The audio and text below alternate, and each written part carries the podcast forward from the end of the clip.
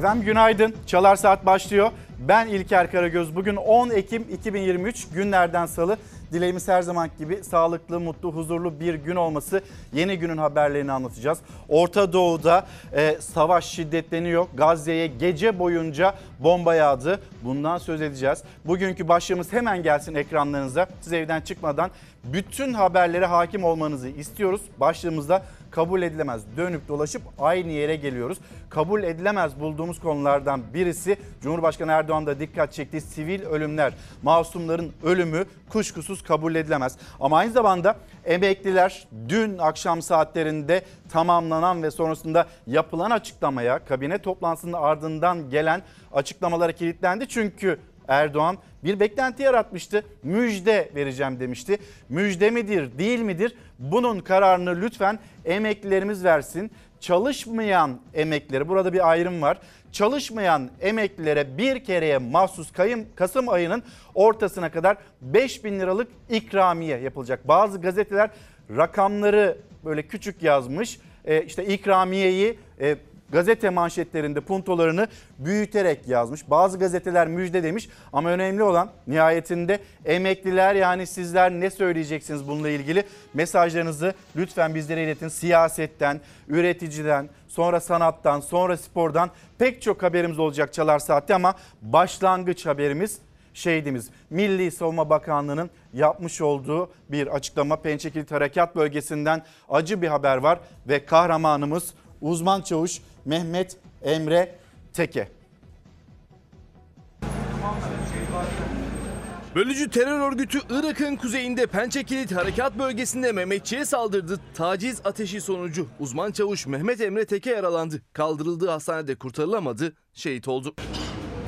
Milli Savunma Bakanlığı duyurdu acı haberi terör örgütü PKK-YPG'li teröristlerin Pençekilit operasyon bölgesindeki üst bölgesine taciz ateşi açtığını.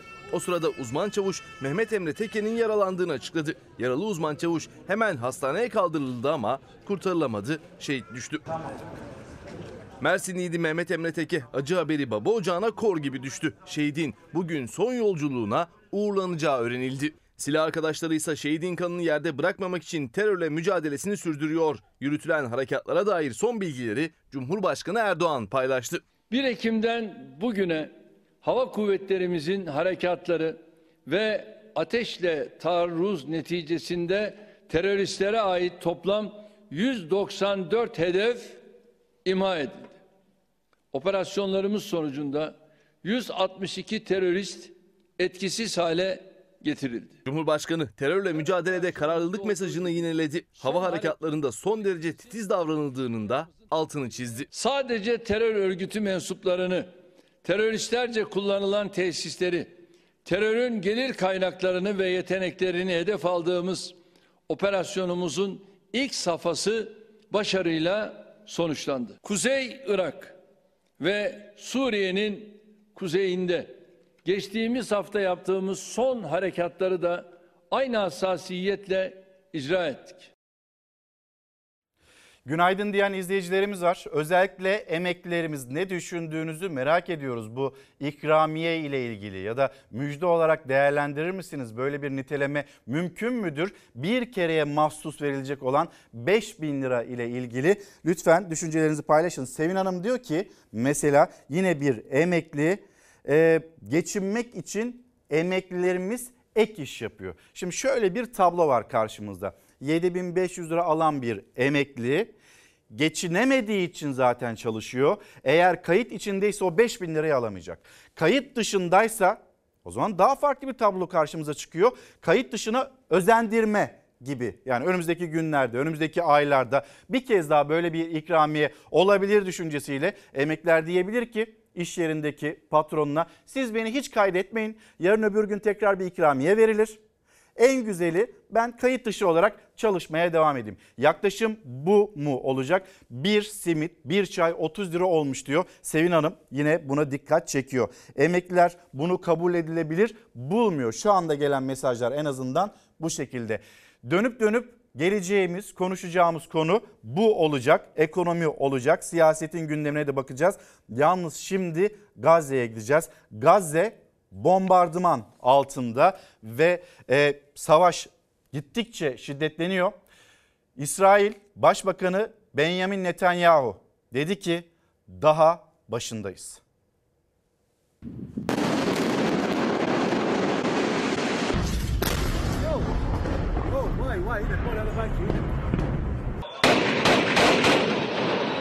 Çatışmaların dördüncü gününde de Orta Doğu'da şiddet tırmanıyor. Siviller can vermeye devam ediyor. İsrail kadın çocuk yaşlı demeden Gazze'yi bombaladı. Gece boyunca sürdü bombardıman. Gazze'de tam abluka ilan edildi. İsrail Gazze'ye su ve elektrik akışını kesti. Yaşanan çatışmalarda Filistinlilerin can kaybı 704'e, İsrail'in can kaybı ise 900'e yükseldi.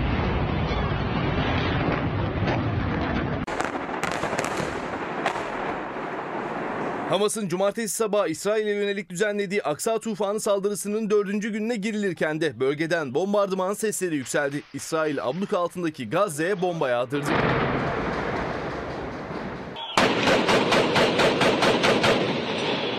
Şiddet giderek tırmanıyor. Tel Aviv yönetimi 300 bin yedek askeri göreve çağırdı. Netanyahu, Hamas'a yanıtımız Orta Doğu'yu değiştirecek dedi. İsrail'in bombardımanları için daha yeni başlıyoruz ifadelerini kullandı. Netanyahu hükümetinin savaş ilanı sonrası İsrail jetleri önceki gece olduğu gibi bu gece boyunca da Gazze'ye hava saldırısı düzenledi. İçinde sivillerin bulunduğu evleri, kamu binalarını, tünelleri ve camileri vurdu. Yüzlerce ev enkaza döndü. Dün gün boyunca da İsrail'in hava saldırıları vardı. Savaş uçakları 113 bin kişinin yaşadığı Cebeliye mülteci kampını bombaladı. Filistin'de 4 gün içinde 143 çocuk, 105'i kadın, 704 kişi hayatını kaybetti. Allahu Akbar!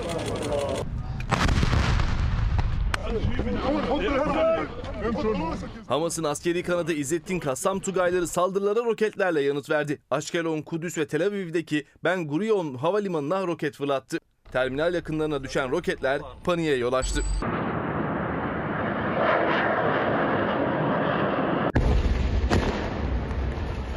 Hamas'ı yok etmek için kara harekatına hazırlanan İsrail'de seferberlik ilan edildi. 300 bin yedek asker göreve çağrıldı. Savunma Bakanı Galant Gazze'yi abluk altına aldıklarını açıkladı. İsrail gece saatlerinde Gazze'ye su ve elektrik akışını kesti. Kendi vatandaşlarına ise su depolamaları yönünde çağrı yaptı. Vallahi habibi ya. Vallahi habibi ya.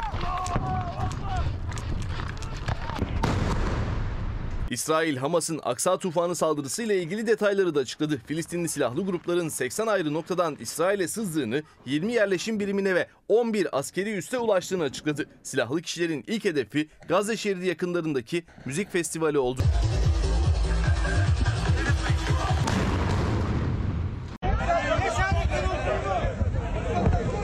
Silahlı grupların paramotorlarla festivale inişinin ardından büyük panik başladı. Yüzlerce kişi koşarak kaçmaya çalışırken bazı gençler çalılıklar arasına saklandı.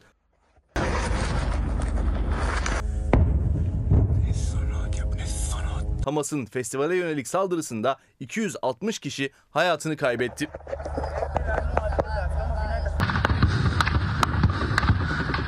Şu ana kadar yaşanan çatışmalarda 900 İsrailli hayatını kaybetti. İsrail'in yanındayız açıklaması yapan Amerika Birleşik Devletleri ise çatışmalarda 9 vatandaşının hayatını kaybettiğini duyurdu. İsrail'e destek için en büyük uçak gemisini Doğu Akdeniz'e gönderme kararı aldı.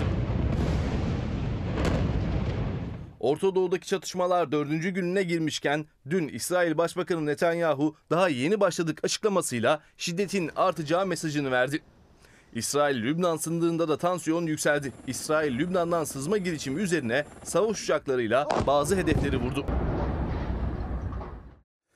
Şiddetin daha da artacağı mesajları geliyor. Amerika Birleşik Devletleri'nin donanması yine Doğu Akdeniz'e doğru e, geliyor. Burada bu bölgede e, İsrail Devlet Başkanı Benjamin Netanyahu'nun açıklaması bu daha başlangıç ve daha işin başındayız açıklamaları. E, önümüzdeki günlerde, saatlerde, dakikalarda maalesef yine çok sayıda sivilin, kadınların, çocukların hayatını kaybedeceğini işaret ediyor. Ve Ankara, Ankara çok doğru bir yerde duruyor ve diyor ki Ankara'nın mesajı ne İsrail ne Filistin tek masumun burnu kanamasın.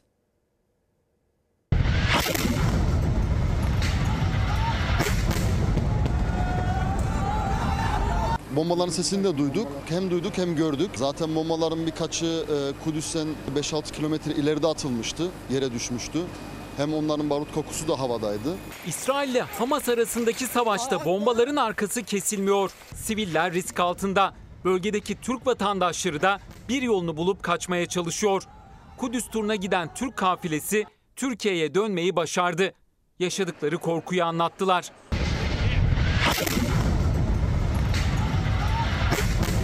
Dört günlük Kudüs turuna çıktık. Hem fiziki hem de psikolojik e, kafile ve grubumuz bayağı baskı gördü. Hayatında e, bomba sesi duymayan insanlar orada yüzlerce bombanın kendi başlarında sanki patlıyormuş gibi Almanya'da yaşayan 37 kişilik Türk kafilesi Kudüs'e geziye gitmişti. Çatışmaların en yakın tanığı oldular. Mescid-i Aksa'ya kadar gelmiştik. Oraya da girmek istemiştik öğlen namazımızı kılmak için. Ama ona izin vermediler. Mescid-i Aksa'ya sokmadılar. Türk kafile Mescid-i Aksa'ya da alınmadı. Zor da olsa havalimanına ulaşabildiler. Türkiye'ye döndüler. Tabii ki sıkıntı yaşadık havalimanında. Ve Bir yarım saatimiz kalmıştı uçağa binebilmemiz için. Herkesi geçirdikten sonra bir tek ben kaldıydım orada. Beni de geçirmediler. Bir de yakınlarından haber alamayanlar var. Cevdet Salış bir yıldır İsrail'de inşaatta çalışıyordu. Ailesi sosyal medyadaki görüntülerden Salaş'ı tespit etti. Ancak haber alamıyorlar. Martesi saat akşam yedi sularında İsrail Tel Aviv bölgesinde babam İsrail polisleri tarafından tutuklanarak götürüldüğünü ve elimizde zaten e, videolar vardır. 3 gündür zaten biz ses alamıyoruz. Dışişleri Bakanlığı'na bildirdik. CİMER'e yazdık. Tel Aviv bölgesini aradık. Türk konsolosluklarını aradık. Herhangi bir hiçbir kimse bize yardımcı olmuyor. Devlet büyüklerinin el atmasını istiyoruz. Acil bir şekilde. Bu gözaltı görüntüsüne ulaştı Salış ailesi. İsrail'in Cevdet Salış'ı esir tuttuğunu düşünüyorlar. Her iki tarafta da başta öğrenciler Türkiye'ye dönmeye çalışıyor. Dışişleri Bakanlığı'ndansa Türk vatandaşlarının güvenli ve kapalı yerlerde kalmaları yönünde uyarı gelmişti. O uyarı geçerliliğini koruyor.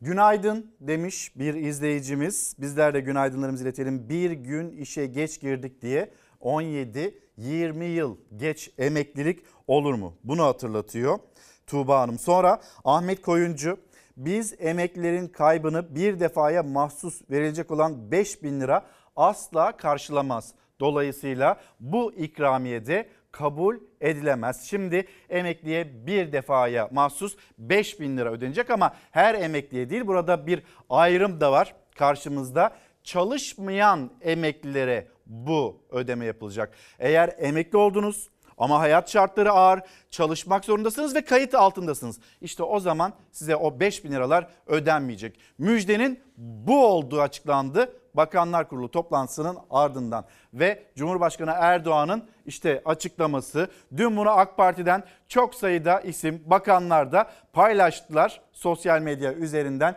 Emeklilerimize 5 bin lira ödeme yapacağız.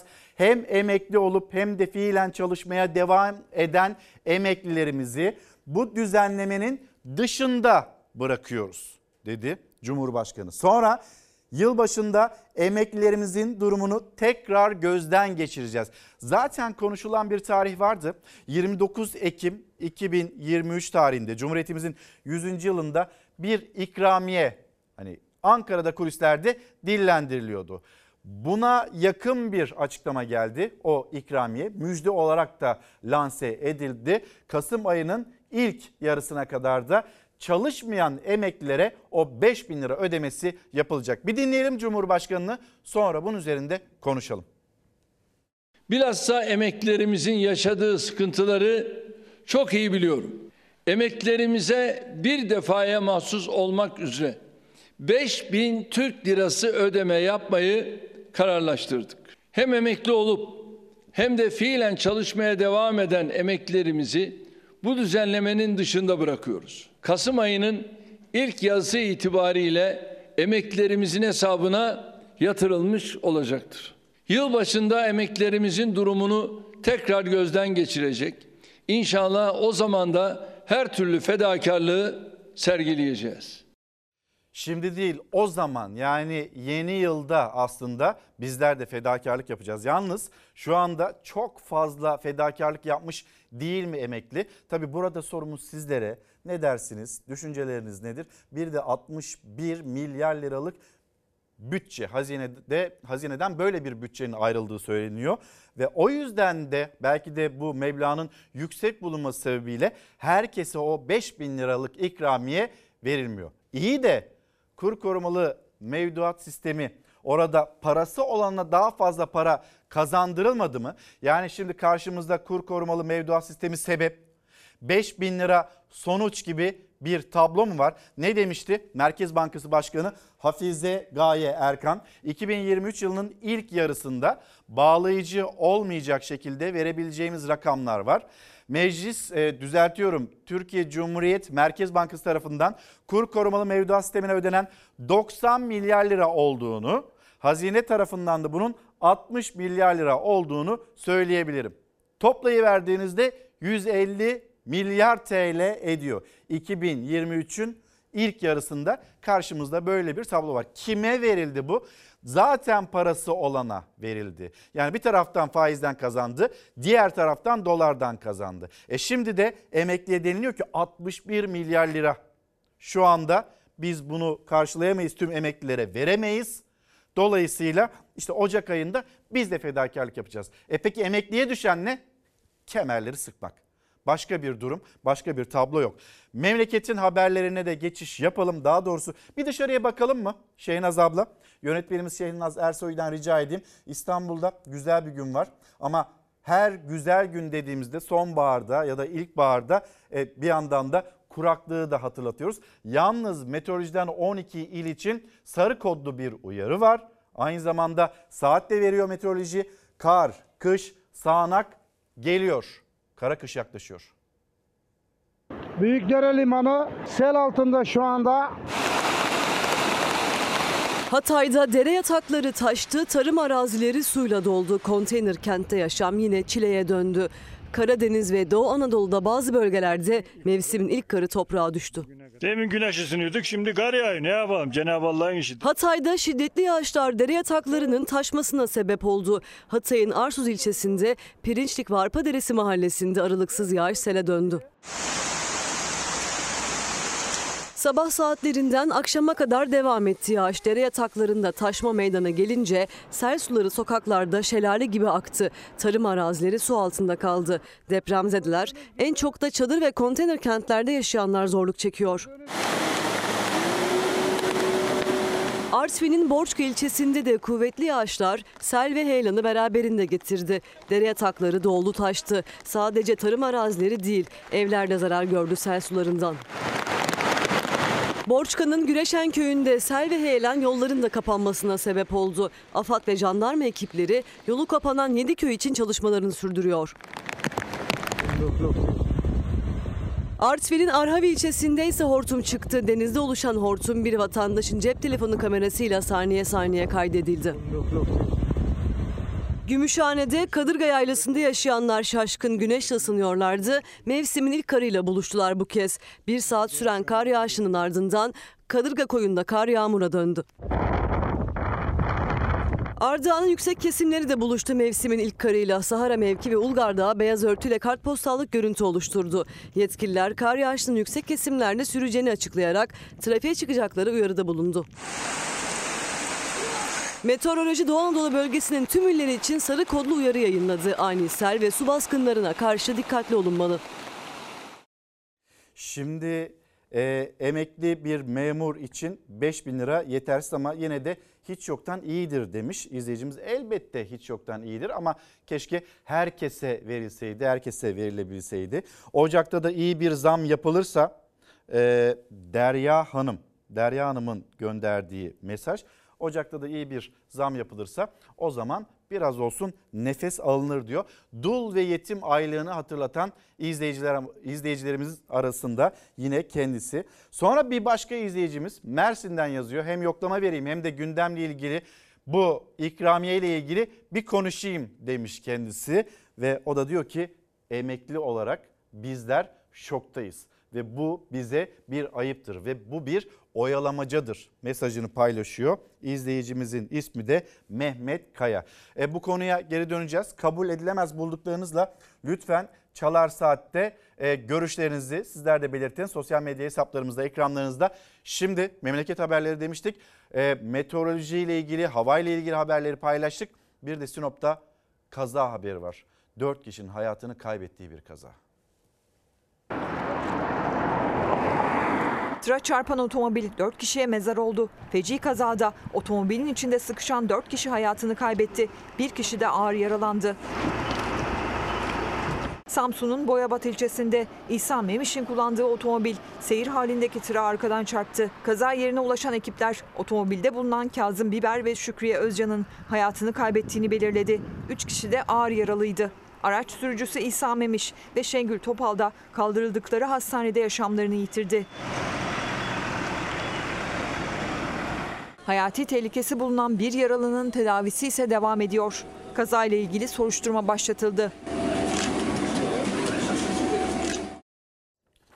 Şimdi gazeteleri hemen bir büyütelim. Ee, bu 5000 lira ile ilgili acaba gazeteler ne söyledi? Müjde diyen var mı? Nasıl ele aldılar? Şöyle tam sayfa olarak dolaşalım etrafında gazetelerin. Hürriyet gazetesi emekliye Kasım'da 5000 lira ikramiye dedi. Büyütemediği bir haber olarak karşımızda. Sonra Karar Gazetesi manşetinde ateşe benzin filosu, Amerika Birleşik Devletleri filosu şimdi yavaş yavaş yaklaşıyor ve Gazze, Gazze bombardıman altında yine oradaki sıcak gelişmeleri ekranlarınıza taşıyacağız. Sonra Milliyet Gazetesi emekliye 100. yıl ikramiyesi büyük bir şekilde yazılmış ama 5000 lira olduğu da küçücük olarak altyazıya iliştirilivermiş. Sonra Sabah gazetesi emekliye 5000 lira ikramiye müjdesi. Orada manşette yazmıyor. O müjde herkese değil yalnız. Çalışmayan emeklilere. Bir gün gazetesi görülmemiş tufan manşetinde Gazze var. İsrail Hamas arasındaki savaş keza. Dara düşen vatandaş kredi kartına sarıldı. Yeni Çağ gazetesi ekonomi manşetiyle ve yine İsrail Hamas arasındaki o savaşla okurlarının karşısında çocuklarımızdan elinizi çekin. Gericiliği öğretiyorlar, küçük yaşta evlendiriliyorlar, şişliyorlar diye bir manşet, ürkütücü bir manşet Sözcü gazetesinde. Bu önemli. Hani diyordu ya önceki ekonomi bakanı bakın burası çok önemli diye. Bir aracılı ara buluculuk sistemi devreye girdi. Ev sahibi ve kiracılar birbirlerine girmesinler, kavgada etmesinler, güzel güzel anlaşsınlar diye. Mevcut yasada %25 sınır varken sonra bir de ara buluculuk sistemi işletilmek istendi. Bakın o ara buluculuk sistemi ev sahibiyle e, kiracının elini hangi oranda buluşturdu ve sıkıştırdı. Ev sahibi ve kiracı %71'de uzlaştı. E yasa ne oldu? %25 sınırlaması ne oldu? Bunun mağduriyetini yaşayan izleyicilerimiz varsa lütfen yazabilirler mi bizlere? Kabul edilemez başlığı altında konuşurken. Enflasyona fahiş kira baskısı, Dünya Gazetesi'nin manşeti ve Cumhuriyet Gazetesi Gazze nefessiz diyor. Emekli ile ilgili manşetler ya da yaklaşımlar bunları gördünüz. Gazetelerin yine bugün okurlarının karşısına hangi manşetlerle çıktığını da gördünüz. Devam edeceğiz. Biz yine e, doktorlarımızın, sağlık çalışanlarının yanında olmaya ve bu haberleri paylaşmaya devam etmek zorundayız. Çünkü büyük bir fütursuzluk var ve sağlık çalışanları her gün ama her gün şiddete maruz kalıyorlar. Peki niye? Aslında sistemin yaşamış olduğu, yaşatmış olduğu aksaklıklar ve buradaki öfke sağlık çalışanlarına yöneliyor ama bunu kimse çok bilmiyor. Sağlık ocaklarımızda, hastanelerimizde doktorlarımız şiddet uyuruyor. Vatandaş sıra alamıyor, hekime saldırıyor. Vatandaş kuyrukta çok bekliyor, sağlık çalışanına saldırıyor. Esasında Sağlık Bakanlığı'nın sisteminden kaynaklı olduğunu bilmiyor vatandaş. Son bir haftada Kocaeli'de ardından Şanlıurfa'da sağlık çalışanlarına yönelik şiddet olayları sonrası sağlık çalışanları bakanlık önünden ses yükseltti. Aile sağlığı merkezlerindeki sağlık çalışanları 5 gün iş bıraktı. Şanlıurfa'da hemşireye yumruk atan saldırgan serbest kalmıştı. Tepkiler sonrası tutuklandı. Maalesef gündeme getirmedikçe, sosyal medyada bu olay yer almadıkça Sağlık Bakanlığı görünmezlikten geliyor. Sağlık Bakanı Fahrettin Koca hastanedeki şiddetin önüne geçmek için gri kod uygulamasını devreye sokacaklarını açıkladı bir hafta önce. Şiddete dönüşmesi muhtemel bir olay öncesinde polis merkezine bildirilecek dedi. İki gün sonra Karadeniz Teknik Üniversitesi Tıp Fakültesi'nde bir güvenlik görevlisi hasta yakınlarının saldırısı sonrası hayatını kaybetti. Kocaeli'de Körfez Fatih Aile Sağlığı Merkezi'nde hasta ve hasta yakınları 3 aile hekimine tekmelerle yumruklarla saldırdı. Sağlık Bakanı Koca kınama açıklaması yaptı. Hastane ve sağlık kuruluşlarındaki güvenlik önlemlerinin yetersiz olması gerçeğine Sağlık Bakanlığı tarafından ısrarla kulak tıkanmaktadır. Kocaeli'nde 3 doktoru öldüresiye döven saldırganlardan ikisi tutuklanırken bu kez Şanlıurfa'da bir hemşireye saldırdı hasta yakını. Gözaltına alındı. Pişmanım dedi, serbest kaldı. Bir bakanın ortaya koyacağı tepki bu mu olmalıdır? Bakan esasında derhal emniyet mensuplarını, bütün dinamiklerini ilgili yere aktarabilmeli. Sağlık çalışanlarının yanında olduğunu gösterebilmeli. Önce hakkında tutuksuz yargılama kararı verilen saldırgan hakkında savcılığın tutuklu yargılama talebi üzerine bu yönde karar çıkmıştır. Twitter'da bir örgütlenme ve ses çıkarma varsa o zaman tekrar e, yapılacak olan işler yapılıyor. Hukuk olması gerektiği işlevi yapamıyor. Ne zamanki tepki geliyor o zaman göstermelikten oluyor. Hemşireye saldıran kişinin serbest kalmasına tepkiler sonrası bu kez savcılık tutuklama talep etti. O saldırgan tutuklandı. Sağlık çalışanları tepkiler sonrası gözaltılar, tutuklamalar şiddeti önlemez diyor. Kalıcı ve sert tedbirler alınmasını istiyor. Akşama eve geri dönemeyeceğini düşünerek çalışan bir insandan ne kadar verimli bir çalışma beklenebilir? Emekliyi ve yaşadığını hiç anlamamış yönetenler diyor. Çiğdem Hanım günaydınlarımızı iletelim. Cihangir Bey keşke öyle olsaydı. Keşke sizin yazmış olduğunuz gibi olsaydı da hani Ocak ayından itibaren de emeklilerde böyle bir toparlana, toparlanma olabilseydi. Hükümet şunu yapmış olsaydı iyi olurdu. Ayrım yapmadan kök maaşlara bir zam verilseydi.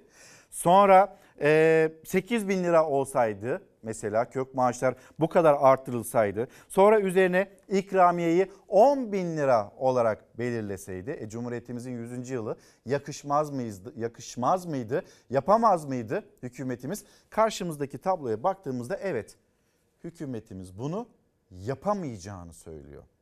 Biz Ocak ayından sonra aslında fedakarlık yapacağız açıklaması geldi Cumhurbaşkanı'ndan. Yani kasada para yok.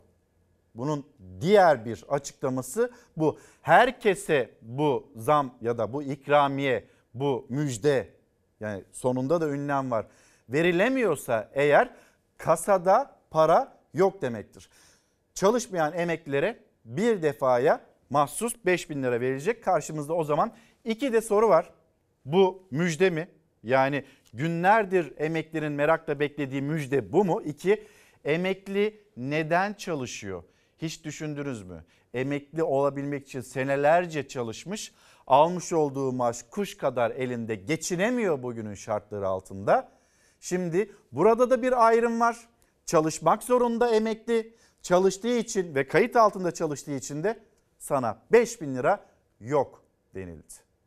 Karşımızda bu iki e, can alıcı soru var. Yine dün akşamdan önemli bir açıklama biliyorsunuz Pentagon'dan öğrendi e, Türkiye ilk olarak Türkiye kamuoyu ilk olarak e, SİHA'mızın düşürüldüğünü ve üzgünüz demişti Amerika Birleşik Devletleri Savunma Bakanlığı. Bu konuya dair ilk kez konuştu. Cumhurbaşkanı Erdoğan da gereği muhakkak yapılacaktır diyerek Erdoğan ABD'nin düşürdüğü SİHA ile ilgili ilk kez konuştu.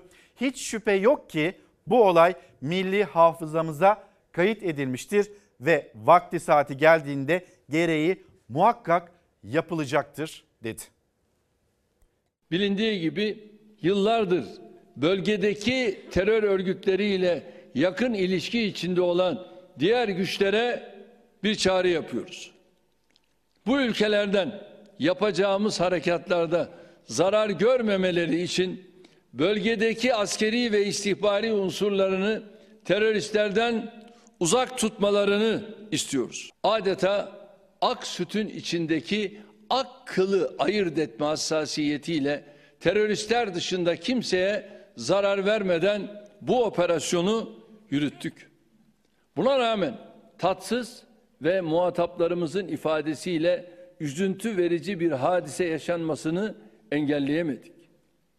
Hiç şüphe yok ki bu olay milli hafızamıza kayıt edilmiştir ve vakti saati geldiğinde gereği muhakkak yapılacaktır. Terör örgütünün ismini değiştirmeleri sadece kendilerini kandırmaları anlamına gelmiyor.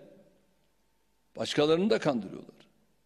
PKK'ya SDG demekle Amerika'ya Birleşik Devletler, Büyük Britanya'ya Birleşik Krallık demekle burada herhangi bir şey değişmiyor. Dolayısıyla PKK'yı terör örgütü olarak tanıyan her ülkenin bu örgütün farklı isimlerle faaliyet gösteren yapılarını da aynı kapsama alması hem hukuki hem ahlaki bir yükümlülüktür. Hep emeklilerimizi konuşuyoruz. Peki gençler ne olacak diyor Halil Bey. Onu da konuşalım. Gençler hayallerini yurt dışında arayan ve memleketinden, ailelerinden kopup giden gençler. Onları da konuşalım. Sonra Hüseyin Bey memura bol zam artı 7 bin lira kira yardımı emekliye gelince para yok denilmiş. Herkesin refah seviyesi aynı şekilde arttırılsın. Yani memura bu kadar verdiler emekliye bu kadar vermediler diye bir yaklaşım değil de memura da verilsin, işçiye de verilsin, asgari ücretliye de verilsin, emekliye de verilsin. Emekli de ayrım yapılmasın. Çalışan emekli, çalışmayan emekli diye bence. Sonra gülelim mi, ağlayalım mı buna bilemiyorum demiş. Hatice Hanım da reklamlara gideceğiz. Reklamların ardından yine bol bol konuşmaya devam edeceğiz. Kabul edilemez başlığı altında. 3 kitap gösterelim. Öyle gidelim reklama. Kuşlama Fatma Kılıç'ın kitabı. Tarık Koç Bir Hayalin Ardında diyor kitabında. Ve bir kitapta Samira'nın diğer yarısı Büşra Özdemir tarafından yazıldı ve bizimle de paylaşıldı. Reklamlar dönüşte buluşalım. Günaydın Fatoş Hanım günaydın ve diyor ki verilen 5 bin lira sadaka gibi ya da harçlık gibi öyle de diyebiliriz. E, o da sınırlandırılıyor. Ne demek çalışan emekliye vermemek böyle bir ayrımcılık olur mu mesajını paylaşıyor. İnsanların maaşları yetse 60 yaşına kadar 70 yaşına kadar ve bu yaştan sonra da çalışmaya devam ederler mi? Yani belli belli ki bir ihtiyaç. O ihtiyaç doğrultusunda neden böyle bir ayrım yapılıyor? Yine detaylarını konuşalım hep birlikte. Sonra yine Bakayım emeklilerle ilgili çok fazla mesaj var bu ikramiye ile ilgili. Sabah gazetesine göre müjde ile ilgili. Ahmet Ercoşkun yazmış. Biz emekliler güzel haber beklerken Cumhurbaşkanı'nın vermiş olduğu haber bizleri çok üzdü. Müjde diye adlandırıldı bir de. Tabii bu da başka bir e, hem beklenti yarattı hem de hayal kırıklığı yarattı müjde denilmesi sonrasında 5 bin liranın açıklanması. Şimdi bu paralarla biz hani çarşıya mı gidelim, pazara mı gidelim, kenara yastık altına mı koyalım? Evimizin kirasına mı destek olmaya çalışalım? Ne yapalım acaba? Hani bozdur bozdur harca denilebilecek bir rakamdan da söz etmiyoruz. Bugün başlığımız kabul edilemez. Ee, bir şehidimiz daha var ve şehidimiz polis memurumuz 20 yaşında 32 suçtan aranan bir suç makinesi. O makine suç makinesi olarak adlandırılan kişi tarafından bir polis memurumuz şehit edildi.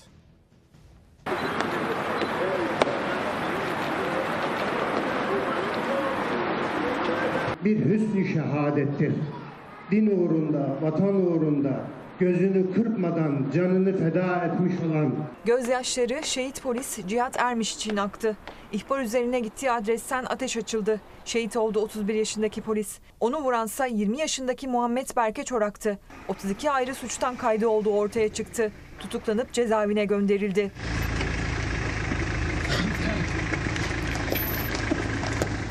İstanbul Büyükçekmece'de silahlı saldırı ihbarını değerlendirmek üzere bir adrese gitti. 31 yaşındaki polis Cihat Ermiş. Ekip arkadaşıyla birlikte dairenin kapısını çaldı ama açan olmadı. İçeridekilerin can güvenliğinden şüphe etti. İçeri girmek istedi. Tam o sırada daireden ateş açıldı.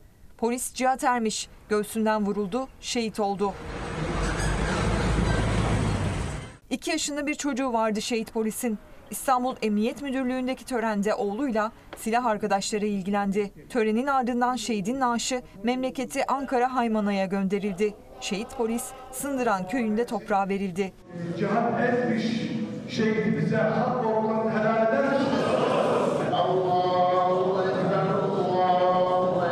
Polisi şehit eden 20 yaşındaki Muhammed Berke Çorak kullandığı silahla birlikte yakalandı. Hırsızlık, yaralama, uyuşturucu suçlarından 32 ayrı kaydı vardı. Polise ihbarda bulunulmasına sebep olan etrafa ateş açtığı belirlenen 9 şüpheli de gözaltına alındı. Saldırgan Berke Çorak çıkarıldığı mahkeme tarafından tutuklanarak cezaevine gönderildi. Şimdi bir yangın haberiyle devam edeceğiz. Yalnız şehidimize Allah'tan rahmet dileyelim. Ee, polis teşkilatımıza, ailesine sabır da dileyelim. Ee, memleketten acı haberler geliyor maalesef. O acı haberlerin o sarmalın içinden de çıkabilmek kolay olmuyor. Ee, Çıldır'da hani Türkiye'nin turizm açısından, kış turizmi özellikle kış turizmi açısından e, önemli merkezlerinden birisi Çıldır Gölü yakınında çıkan ve korkutan yangın.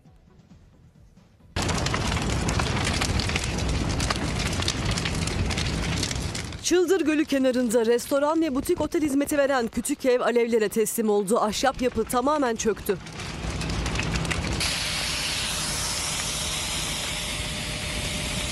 Kış turizmi denince sevilen rotalardan biri Kars'ın Çıldır Gölü. Göl kenarında hizmet veren butik otel ve restoran şömineden sıçrayan kıvılcımlarla yandı. Yerden tut yerden. Şömineden mi çıkmış artık? Şiddetli rüzgar vardı yangın çıktığı sırada alevler kısa sürede yayıldı. Tüm ahşap yapıyı sardı.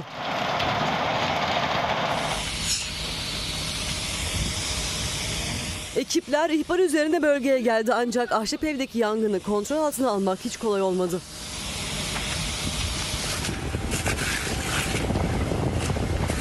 Ekiplerin alevlerle mücadelesi 5 saat sürdü. 1 saatlik soğutma çalışmasının ardından yangın söndürüldü. Sezonu olmaması, içinde müşteri olmaması olası bir faciayı engelledi. İçeride şömine yakan personeller de yangın sırasında hemen dışarı çıktı. Can kaybı ve yaralı olmaması teselli oldu. Bir yangın haberiyle daha devam edeceğiz. Bu da motosiklette çıkan yangın. Motosiklet rampadan yanarak gelmeye başladı. Seslendi delikanlı dedi ki yanıyorsun insene falan dedi. Yanan motosikletiyle onu seyir halinde gören esnaf büyük korku yaşadı. Motosikleti kullandığı sırada alevlerin parlamasıyla genç sürücü bir marketin önünde indi. Ama yaşadığı şoktan dolayı bir türlü uzaklaşamadı motorundan. İstanbul Kağıthane'de yaşandı olay motosikletin benzin deposu alev aldı. O sırada seyir halinde olan genç bir marketin önünde durabildi. Ahmet kardeşim e, işte seslendi delikanlıya dedi ki yanıyorsun insene falan dedi. Ben de telefonu hemen kapattım. İçeri girdim yangın tüpünü alayım dedim. Pimini çekme, çekme, çekiyorum kopmuyor çıkmıyor. O esnada delikanlı aldı sonra kendi işte motoru hala yanık tutmaya çalışıyor. Esnaf alev almış motoruyla seyir halindeki gence durması, motordan inmesi için bağırdı. Genç sürücü önce kendini attı ancak yanan motosikletinden bir türlü uzaklaşamadı. Esnaf yangın tüpüyle motoru söndürdü. Genç sürücü korkunç olaydan yara almadan kurtulurken motosikleti kullanılamaz hale geldi. Delikanlı yukarıdan böyle e, hayalet sürücü gibi geliyor. Yana yana geliyor böyle. Şimdi de dünyanın kaygıyla takip ettiği yangın yerine yani Gazze'ye döneceğiz. Ee, Ankara devrede ara buluculuk için rehinelerin serbest bırakılabilmesi için e, Cumhurbaşkanı Erdoğan devreye girebileceklerini söyledi kabine toplantısının ardından. Yalnız İsrail'den gelen de bir açıklama var. Öyle umut var açıklamalar gelmiyor İsrail'den. Sivil takası olur mu? İsrail Dışişleri Bakanlığı sözcüsü şu an rehineler için müzakere ya da ara buluculuk zamanı değil mesajı veriyor ve yine Netanyahu'nun cümlelerini hatırlayacaksınız. Daha yolun başındayız. Daha oraya bombalar yağacak. Vermiş olduğu mesajlar bu. Dünya kamuoyundan ve ABD'den almış olduğu destekle. Peki nedir bunun sonucunda? Kabul edilebilir bir tablo çıkacak mı karşımıza? E insanlar ölecek, ölecek, siviller ölecek, çocuklar ölecek, gerçekler ölecek, masumlar ölecek. Türkiye olarak tarafların talep etmesi halinde esir takası dahil her türlü ara buluculuğa hazır olduğumuzu belirtmek isterim. Bu tür suya sabuna dokunmayan açıklamalar yapmak yerine net, kararlı, kesin bir şekilde Filistin arkasında durmayı ama her iki taraf nezdinde de derhal diplomatik temasları başlatmayı tavsiye ediyorum. Türkiye Dışişleri Bakanı Hakan Fidan'la Hamas'ın İsrail'e yönelik terör saldırıları hakkında da konuştum. Türkiye'nin ateşkesi ve Hamas'ın elindeki tüm rehinelerin derhal serbest bırakılmasını, savunmasını teşvik ettim. Filistin Devlet Başkanı Sayın Abbas ve İsrail Cumhurbaşkanı Sayın Herzog ile son derece verimli birer telefon görüşmesi gerçekleştirdim. Dünyanın gözü Orta Doğu'da Hamas'la İsrail güçleri arasındaki çatışmalar sürerken can kayıpları her geçen dakika giderek artarken taraflara itidal çağrısı yapan Cumhurbaşkanı Erdoğan, Filistin Devlet Başkanı Mahmut Abbas ve İsrail Cumhurbaşkanı Herzog'la görüştü. Türkiye'nin her türlü ara buluculuğa hazır olduğunu söyledi. Amerikan Dışişleri Bakanı Blinken, Dışişleri Bakanı Hakan Fidan'la yaptığı görüşme sonrası Türkiye'ye üstü kapalı ara buluculuk için çağrı yaptığını açıklamıştı. Sonrasında paylaşımını geri çekti. Reuters, İsrail'in Türkiye Büyükelçisi Lilya'nın ara buluculuk için çok erken dediğini yazdı. Biz ne İsrail topraklarında ne Filistin topraklarında tek bir masumun dahi burnunun kanamasına razı olmadığımızı hep söyledik, söylüyoruz. Filistin meselesi bir insanlık meselesidir. Bir halk tarihten silinmek istenirken o halkın ayağa kalkmasını kimse tenkit edemez. Son dönemde içine girilen İsrail ile normalleşme telaşına asla kapılınmamalı. Her şeyin olduğu gibi savaşın da bir adabı ve ahlakı vardır. Altını çizerek hep ifade ettiğimiz gibi adil bir barışın kaybedeni olmaz. Cumhurbaşkanı Erdoğan'ın gerilimi düşürmek için hazırız açıklaması hem Filistinli gruplara hem de İsrail'e itidal mesajı. İsrail Büyükelçiliğinden gelen önceliğimiz Hamas'a karşılık vermek yanıtı. Giderek artan çatışma sonrası toplanan Birleşmiş Milletler Genel Kurulu'nda Hamas'ın kınanması talebi karşılıksız kaldı. İsrail güvenlik güçlerinin ve illegal yerleşimcilerin Filistinlilere uyguladığı baskıya, zulme, yargısız infazlara, can ve mal tehdidine de nasıl karşıysak İsrailli sivillere yönelik rastgele eylemlere de aynı şekilde karşıyız. Filistin halkının haklı taleplerinin yanında olduğumuzu vurgulamak isteriz. Türkiye'nin itidal çağrısının yanı sıra taraflar arasında kalıcı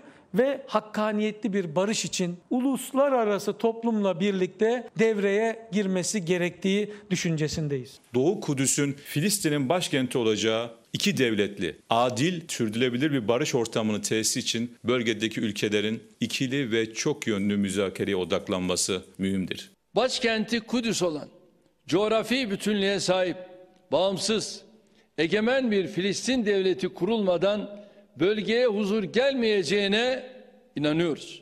Muhalefet Filistin'in yanındayız çatışmalar bir an önce sona ermeli, Türkiye barış için devreye girmeli derken Davutoğlu bir kez daha Cumhurbaşkanı Erdoğan'ın saldırının ilk gününde yaptığı açıklamayı hedef aldı. Erdoğan iki tarafa yönelik çağrılarını kabine toplantısı sonrasında da sürdürdü. Tüm tarafları itidalle hareket etmeye, gerilimi daha da tırmandıracak fevri adımlardan uzak durmaya çağırıyoruz. Polis köpekleri Mescid-i Aksa'da ve Türkiye Cumhuriyeti Cumhurbaşkanı Filistin'e atıfta bulunmadan İsrail'deki olaylar diyor. İsrail değil, Filistin orası. Nasıl böyle bir aymazlık olabilir? İsrail yönetiminden Gazze başta olmak üzere Filistin topraklarına yönelik bombardımanlarını Filistinlilerden de İsrail'deki sivil yerleşimlere yönelik tacizlerini durdurmalarını istiyoruz. Ahmet Davutoğlu ve Temel Karamollaoğlu Filistin Büyükelçisi'ne destek ziyareti yaptı. İsrail ve Hamas arasında esirlerin takası için Katar'da devrede. Katar, Hamas'ın esir aldığı kadın ve çocuk rehineleri bırakması karşılığında İsrail hapishanelerinde tutulan 36 kadın ve çocuğun serbest bırakılması için taraflarla görüşmelerini sürdürüyor. Sivil katliamlar kabul edilemez açıklaması Cumhurbaşkanı'nın Hürriyet gazetesinin e, ilk sayfasında Cumhurbaşkanı Erdoğan İsrail ve Filistin'de sivil katliamlarının durdurulması için iki tarafa da çağrı yaptı. Erdoğan ara buluculuğa da hazır olduklarını söyledi. Esir takası dahil ara buluculuğa hazırız mesajı Cumhurbaşkanı Erdoğan'dan ve Ankara'dan yükselen ses ne İsrail ne Filistin orada sivillerin ve masumların burnunun dahi kanamasını istemiyoruz açıklaması bir başka önemli vurguydu Ankara ve Cumhurbaşkanı Erdoğan adına Türkiye adına. Şimdi Hürriyet gazetesinde kalalım. Buradan da Cumhuriyet Halk Partisi'ndeki değişim rüzgarı İstanbul değişim dedi biliyorsunuz. Pazar günü gerçekleşen İstanbul İl Başkanlığı yarışında e, değişimcilerin desteklediği Özgür Çelik kazandı. Ve Hürriyet gazetesindeki haberde İstanbul'da neyi değiştirecek peki bu sonuç? İstanbul İl Başkanlığı'nın e, Özgür Çelik tarafından kazanılması. CHP'de İstanbul İl Başkanlığı'nı değişimcilerin kazanmasıyla bu sonuç büyük kurultaya nasıl yansıyacak? Şimdi herkes bunun detaylarını e, anlamaya çalışıyor.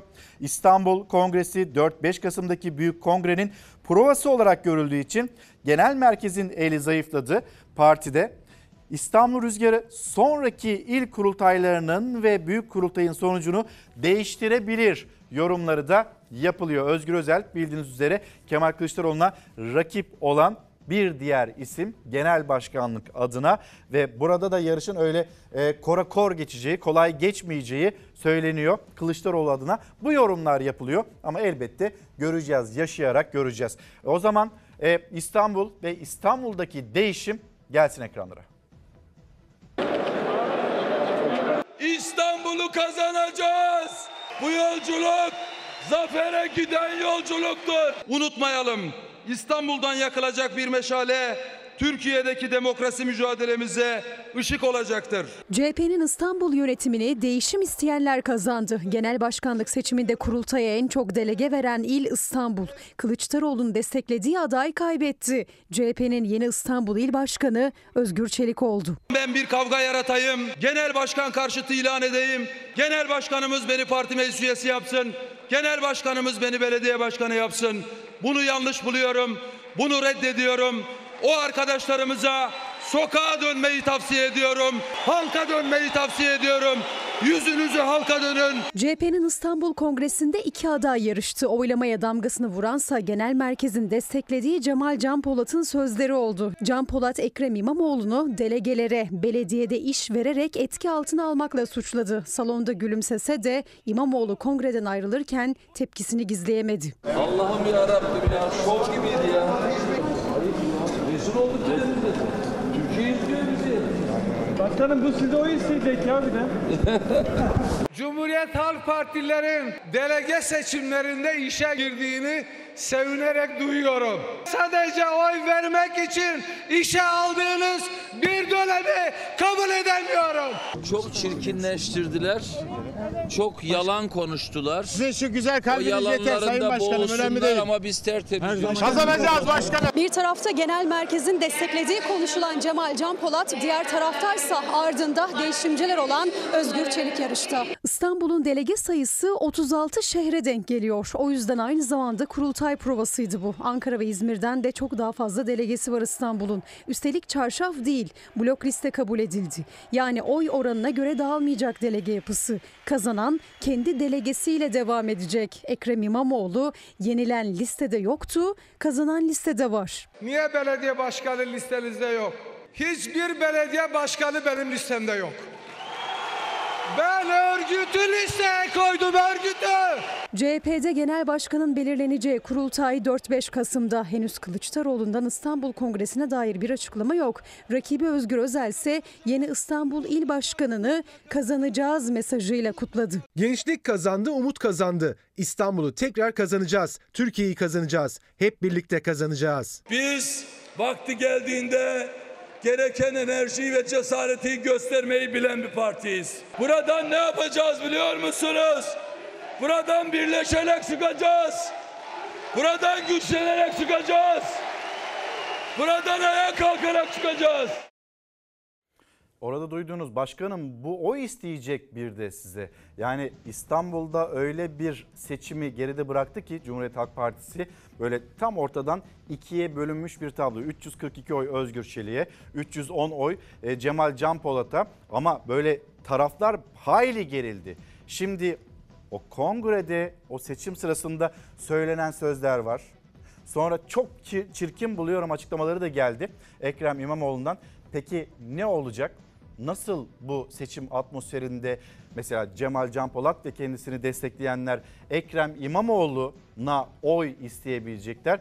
Keskin bir ayrım var. Ee, İstanbul'da kalacağız yalnız bir Ankara'ya uğrayalım. Ankara'da da önemli bir açıklama bir istifa ve o istifanın ardından yapılan bir açıklama var. İyi Parti cephesinde İyi Parti e, Ankara eski il başkanı Faruk Köylüoğlu'nun cümleleri. İttifak yapmamaya ağır eleştiriler getirdi. Dikkatle okuduğumuzda 25 yıllık AK Parti belediyesini sonlandırmak için canla başla çalıştık. Şimdi ise bizim göstereceğimiz adayın kazanma şansı olmayacağı biline biline Mansur Yavaş'ın kaybetmesi için çalışmamız isteniyor. Ankara'da birkaç metropol ilçeyi alsak kötü mü olurdu? Bu kadar agresif olmaya hiç gerek yoktu diyor Faruk Köylüoğlu ve bu düşünceleri nedeniyle zaten partisinden de ayrı düştü İyi Parti parti sözcüsü de e, bu doğru bir yaklaşımdır. Burada bizimle aynı doğrultuda siyasete bakmıyor yaklaşımı sergiledi. İttifak yapmamaya ağır eleştiri İyi Parti içinde ve Saygı Öztürk'e konuştu Sözcü gazetesinden. Ee, burada Faruk Köylüoğlu. Şimdi yeniden İstanbul'a dönelim. İstanbul'da valilik bir duruma el koydu. Sokaklarda dilenen ya da dilendirilen çocuklar var ve onlar için de valilik devreye girdi. 329 çocuk sokaklardan alındı. Şimdi okula dönecekler. Çocuklar okusun diye İstanbul'da dilendirilirken yakalanan 329 çocuk yeniden okul yolunda. İstanbul Valiliği koordinasyonuyla kentte dilencilere yönelik Ağustos ayında operasyon başlatıldı. Emniyet, jandarma ve zabıta ortaklaşa yürüttü operasyonu. Şehrin en işlek caddelerinde, sokakta, kaldırımda, cami kapılarında, trafik ışıklarında, zaman zaman da tren istasyonlarının önünde yüzlerce yetişkin ve çocuk dilenci yakalandı. Uygulamada toplam 3 milyon 491 bin 50 lira idari para cezası kesildi. Dilencilikten kazanıldığı belirlenen 86 bin 301 liraya da el konuldu. 7-8 Ekim'de yapılan yetişkin ve çocuk dilenci uygulamalarında ise 5570 yetişkin ve 329 çocuk dilenci hakkında işlem yapıldı. Yetişkin dilencilerin tekrarlanan işlemler çıkarıldıktan sonra toplam 909 kişiden oluştuğu belirlendi. Uygulamalarda 38 kişiye de çocuğun dilendirilmesi suçundan adli işlem uygulandı. Aile ve Sosyal Hizmetler İl Müdürlüğü ekipleri ise ailelere uyarılarda bulundu. Dilendirmeye devam ettikleri takdirde çocuklarının devlet korumasına alınacağı söylendi. Ailelerle yapılan görüşmeler sonrası dilendirildikleri için eğitimlerinden mahrum kalan 329 çocuk yeniden okula başlatıldı. Operasyonlarla İstanbul genelinde çocuk dilenci sayısında büyük düşüş yaşandı. Şimdi bir son dakika gelişmesi var. O da hemen ekranlarınıza gelsin. Ee, İçişleri Bakanı Ali Yerlikaya ve yapmış olduğu açıklama terörle, onların işbirlikçileriyle, göçmen kaçakçısı organizatörleriyle, zehir tacirleriyle, çetelerle, organize suç örgütleriyle mücadelemiz milletimizin duası ve desteğiyle kararlılıkla devam edecektir diyor İçişleri Bakanı. Ve jandarma birliklerimize, sınır bölgelerimizde düzenlediği 117 operasyonda 181 göçmen kaçakçılığı organizatörü şüphelisi yakalandı. Yeni günün sıcak gelişmelerinden birisi ekranlarınızda. Peki burada karşımızda yine göçmenler, yine işte bu e, göçmenler için devreye giren e, organizatörler, işte bazısı yakalanıyor, bazısı yakalanam yakalanamıyor. İnsanların hayatlarını tehlikeye atarak, ceplerindeki paraların da hepsini alarak onları tehlikeli bir yolculuğa çıkarmaya devam ediyor bu kişiler.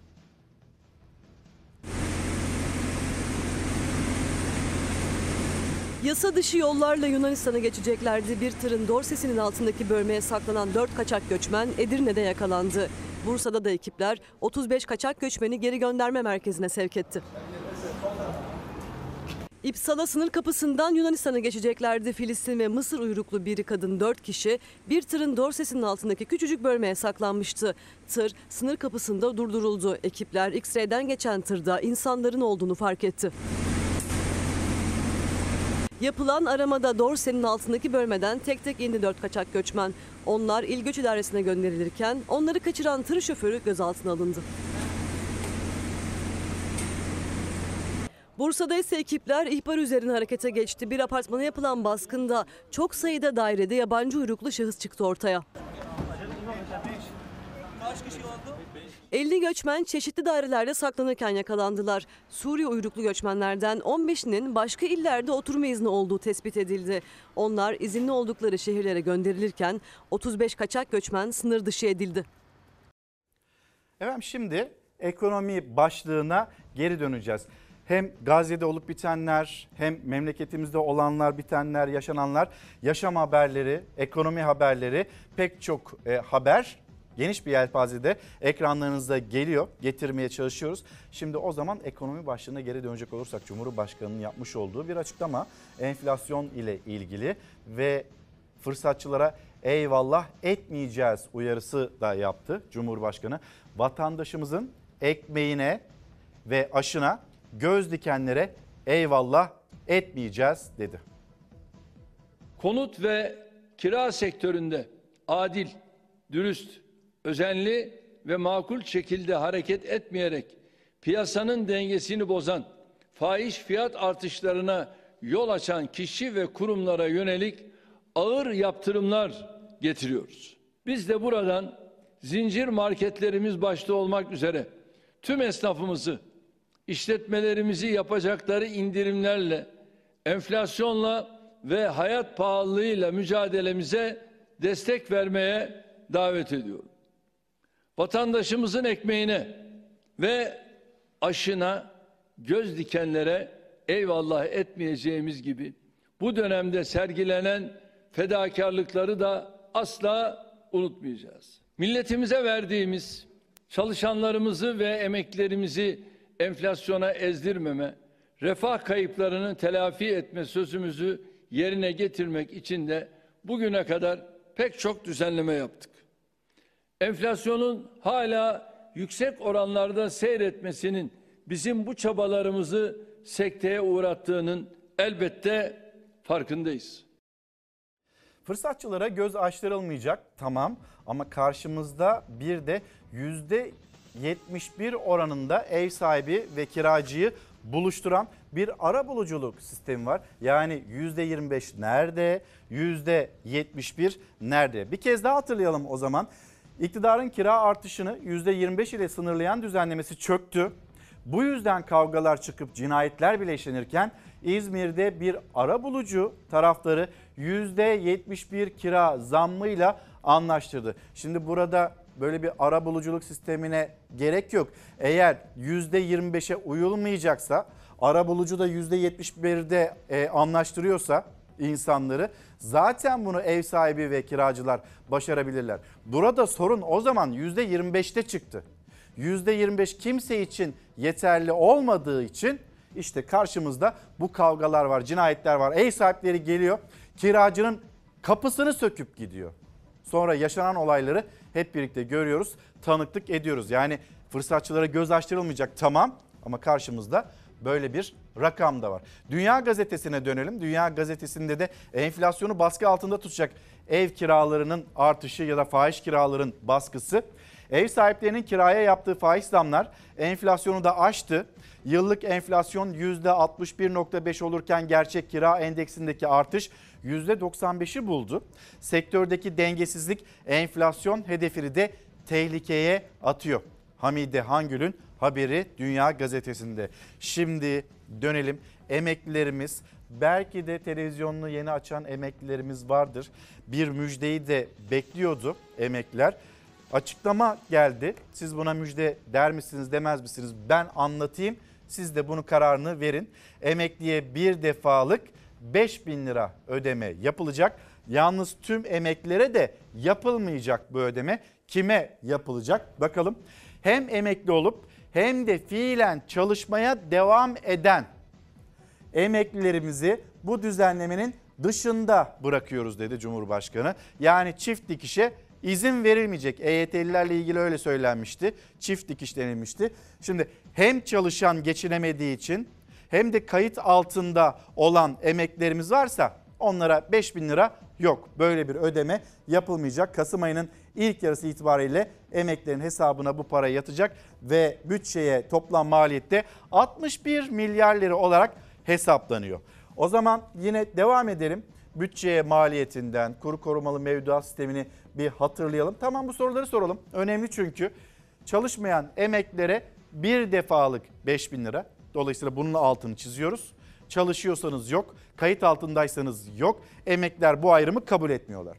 Bu müjde midir sizlere sorumuz. İki, emekli neden çalışıyor? Neden çalışmak zorunda kalıyor? Bir başka önemli gündem maddesi. Peki Cumhurbaşkanı Erdoğan açıklamasının ardından e, kim ne söyledi? Siyasetten de sesler yükseldi ve dedi ki mesela, Profesör Doktor Yalçın Karatepe, Yalçın hocamız bir devlet zor durumda olan üzerinden tasarruf yapmaz yapamaz. Zor durumda olan emekliler. Ama emeklerin her birine de o 5 bin lira verilmiyor. 5 bin liranın yeterliliğini konuşamıyoruz bile. Yani 5 bin lira olur mu? 10 bin lira olsaydı bari diyemiyoruz bile. 5 bin lira verildi o da tüm emeklilere verilmedi. Sadaka verir gibi 5 bin lira kabul edilemez. Disk Başkanı Arzu Çerkezoğlu'nun paylaşımı sosyal medya üzerinden ve vergi uzmanı Doktor Ozan Bingöl asıl sorun yıllarca çalışmış bir emeklinin tekrar çalışmak zorunda olması değil mi? Sorular bunlar. Karşımıza çıkan müjde olarak hadi verelim müjdeyi de Şehnaz abla. Sabah gazetesinden de okuyalım. Yani herkesin yorumu farklı. Hayırlı olsun diyen var. Elbette hayırlı olsun. Hiç yoktan iyidir diyen var. Elbette öyle. Ama bu bir müjde mi? Ondan da çok emin değiliz. Eğer öyle bir şey olsaydı bütün gazeteler istisnasız bunu müjde olarak verirdi. İktidara yakın duran gazeteler mesela Hürriyet gazetesinde göremiyorsun. Sanki böyle dilleri varmamış ya da Milliyet gazetesinde. Emekliye 5 bin lira ikramiye müjdesi o sabah gazetesinde yer alıyor. Buyurun.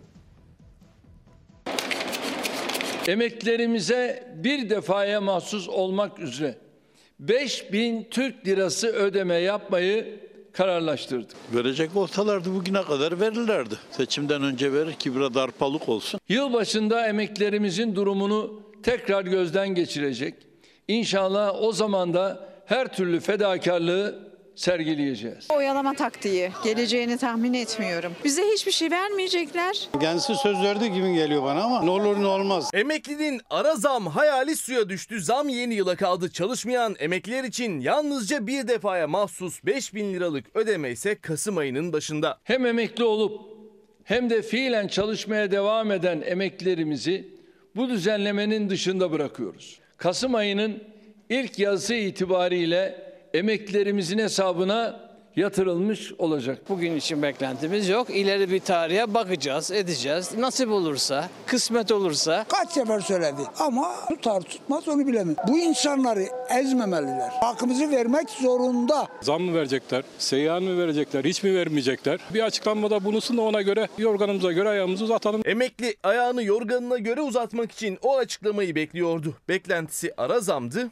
olmadı. Milyonlarca emekli hala 7500 lirayla geçinmeye çalışıyor. Bilhassa emeklilerimizin yaşadığı sıkıntıları çok iyi biliyorum. Temmuz ayında yapılan %25 zam milyonlarca emeklinin maaşında 1 lira bile değiştirmedi. Ben e, yıllardır sinemaya gitmiyorum. Tiyatroya gitmiyorum. Bir futbol maçını izleyemedim. Yılda bir kere tatile gidiyordum. Şimdi onu da gidemiyorum. Artık lüks oldu. Aman emekliler ölsün gitsin diyorlar. Yemesinler, içmesinler, ölsünler. Hiç beklentim yok benim. Hep yalan, hep yalan. Ne zaman verdiler ki bize zamı? Valla bu Cumhuriyet Bayramı ikramiyesine bir ümidim var. Olacak o. Cumhurbaşkanı emeklilerimizin yaşadıkları sıkıntıyı biliyorum dedi ama ara zammada kapıyı kapatmış oldu. Kasım ayının başında bir defaya mahsus verilecek 5 bin liralık ikramiye ile emekli yıl sonunu getirmeye çalışacak. Emekli yıl sonunu Bütün emekliler de değil. O 5 bin lirayı da işte harçlık yaparak e, idare de ederek kemerleri daha fazla sıkarak getirmeye çalışacak. Yıl başında ne olacak? Şu anda bütün emeklilere 5 bin lira ikramiye verilemezken yılbaşından sonra ciddi oranda bir düzenleme bekliyor musunuz? Peki seçimden sonra ne olacak? Yerel seçimden sonra seçime kadar bir e, ekonomi, seçim ekonomisi yürütüldüğünü de düşünüyor musunuz? Yazıp gönderir misiniz? Kabul edilemez başlığıyla ilgili çok sayıda mesaj da geliyor. Hatice Hanım emeklilere yapılan bu zulüm kabul edilemez diyor.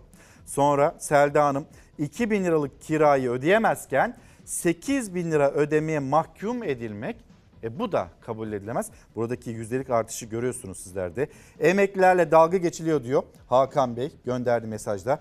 Suna Hanım, Suna Tekinel e, zaten bütün sıkıntı %25'lik o sınırlamayla başladı. Emlakçı olarak yüzdelik kısım kalkmadan bu problem çözülmez. Mülk sahibi ya da kiracılar onlar birbirlerini anlayarak zam yapmaya çalışıyordu. %25 sınırlaması geldi sonra bütün denklemde karışmış oldu diyor. Zahide Gökhan Harun o da 3 bin lira olan kirayı 9 bin lira yaptılar. %75 olsa kabul edeceğiz de e, buradaki artışı görüversinler demiş mesajında. Memleket haberleriyle de devam edeceğiz. Yalnız ekonomiden ilerleyelim. Ucuz et yani bu pahalılıkta insanlar ne peynir alabiliyor, süt ve süt ürünlerini alabiliyor, ne işte sebze, meyve alabiliyor. Yalnız tarlada ucuz. Mesela elma ile ilgili elma üreticisinin isyanı var. Onları da duyalım. Malatya'da işte bizim elmamızın tadı, lezzeti, aroması diğer yerlere, bölgelere benzemez. Ama çok lezzetli olmasına rağmen elmamız tarlada 5 lira, markette ise 30 liradan satılıyor. Yani çiftçi kazanmıyor diyor. Şimdi sebzeye meyveye ulaşmakta da ciddi problemler yaşanırken iş sıra ete gelemiyor. Oğlum burada tedavi oluyor. Kanser hastası. İhtiyacı var böyle şeylere. Kemik suyu mesela. Çok ihtiyacı var. Doktor zaten diyor hep kemik suyu, et yiyeceksiniz bol bol. Vallahi alamıyoruz. Ancak ayda bir kere. İki ayda bir kere bazen. Kanser hastası olduğuna kemik suyu çorbayı bile zor yapıyor. Yemeğe çorbaya et tadı katsın diye kemik ya da tavuk ciğeri alıyor artık dar gelirli. Çünkü kırmızı ete de beyaz ete de para etmiyor. Tavuk ciğeri çok alınıyor. Çünkü neden? Dana ciğeri ve kuzu ciğeri çok pahalı olduğundan dolayı. Şu an 40-45 lira bandında tavuk ciğeri. Normal dana ciğeri 300-350 bandında. Kırmızı et kurban bayramından bu yana görmedik. Hani kurban bayramında ancak o zaman görüyorum. Kemik alırım. Yemeğe biraz lezzet katsın diye. Başka bir şey almam.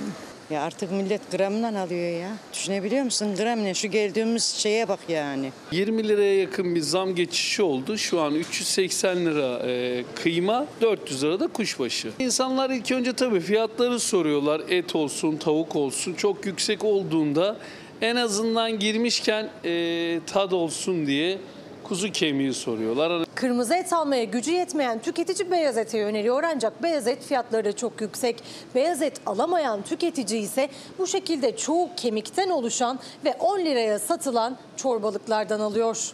Kemiklere para verilmiyordu ama şimdi kemikleri parayla alıyoruz. Geçim artık zor yavrum. Eskiden biz tabii para isteyemezdik ki çünkü ayıp bir olan bir şeydi. Hani müşteriye hani kemiğini para ver dedim mi çok ters bir etki olurdu. O yüzden hiç şey yapmıyorduk ama şimdi maalesef hani çok talep olduğu için bir de çok pahalıya geldiği için bize ister istemez biz de onlara e, paralı satmak mecburiyetinde kalıyoruz. Et artık ayda bir kere ancak alabiliyoruz. Ancak çorbalık işte yani o kadar. Zaten az tüketebiliyordu dar gelirli. Artık alım gücü kasabın kapısından girmeye yetmiyor. Nereden gücüm yetiyor ki et alayım? Bak çürükleri seçiyor. Zorlanıyoruz bayağı bir. Yani e, bir emekli maaşıyla geçinmek çok zor. Hani kendi eviniz de olmasa artık duvar yiyeceksiniz herhalde. O vaziyete gelmiş durumdayız millet olarak. Bir emekli maaşıyla geçinmek artık çok zor. Bir milletvekili isyan ediyor. Milletvekili maaşıyla geçinmek çok zor diye. Ve insanlar ne yapacağını şaşırmış durumdalar. Mucizeler yaratarak ay sonunu getirmeye çalışıyorlar. Ya da kredi kartlarıyla Yeni Çağ Gazetesi'nin de manşetinde bakalım kredi kartlarına. Dara düşen vatandaş kredi kartına sarıldı. Yüksek enflasyonla eriyen geliri harcamalarına yetmez hale gelen vatandaş temel ihtiyaçlarını karşılayabilmek için çareyi faiz oranındaki artışa rağmen kredi kartından borçlanmakta buluyor. Faizlerin yüksek olmasına rağmen bunu göğüslemeye çalışıyor ve yine kredi kartları kullanılıyor. İşte simit içinde, poğaça içinde, bir kurşun kalem içinde kredi kartı üzerinden harcama yapıldığına tanıklık etmiştik. Sonra gün gün, ay ay faizlerin yükselişine tanıklık ederken ve vatandaş da kredi kartıyla alışveriş yapmasın, tasarruf yapsın. Hani öyle bir yaklaşım vardı. Ekonominin başındaki isim Mehmet Şimşek tarafından yok ki elde yok, avuçta yok. Nereden çıkartacak da nereden ödeyecek vatandaş? Mecbur faizler yüksek olmasına rağmen kredi kartıyla ödüyor. Bir haber daha var. Yeni Çağ Gazetesi'nde. Hadi onu da okuyalım. İthalat bağımlılığından kurtulmak zorundayız. Şimdi isim kim? İTO Başkanı Şekip Avdagiç. Almanya'da katıldığı gıda fuarında ekonomimiz büyüdükçe tarımın küçüldüğü tabloyu değiştirmeliyiz. Tarımda verimliliği arttıracak teknolojilere daha çok yatırım yapmalıyız. Türkiye'yi tarımda yeni bir çağa taşıyacak reformları bir an önce hayata geçirmeliyiz dedi ve teşhisini sonra reçetesini ortaya koydu. Peki faiz sebep enflasyon sonuç zamanında o dönemde uygulanan ekonomi programını Şekip Avdagiç mesela alkışlıyor muydu? Evet doğru yeni Türkiye modeli diye alkışlıyorlardı. Sonra devir değişti, dönem değişti, ekonomi politikası değişti. O gün alkışlanan politika bugün yine alkışlanan politika halinde. Ve bir de reçete ithalat bağımlılığından kurtulmak zorundayız. Hadi o zaman nasıl yapacağız? Senelerdir bununla ilgili neden daha gür bir ses çıkmadı iş dünyasından? O da aklımızın bir köşesinde kalsın. Yerel gazetelere dönelim. Ordu Olay Gazetesi emekli emekli olalı böyle zulüm görmedi. Bağımsız Emekliler Platformu Ordu Şubesi Başkanı Selami Akarsu emekliler en kötü dönemini yaşıyor. Geçinmek değil açlıkla boğuşuyorlar dedi. Sonra Antalya. Antalya'dan da zincirleri kıracağız manşeti. Şimdi burada bir duralım. Hemen sizleri bir İstanbul'a götürelim. İstanbul Riva'da yaşanan bir olay ve orada da hemen paylaşalım. Balığa açılan iki arkadaş ve onları maalesef dev dalgalar yuttu.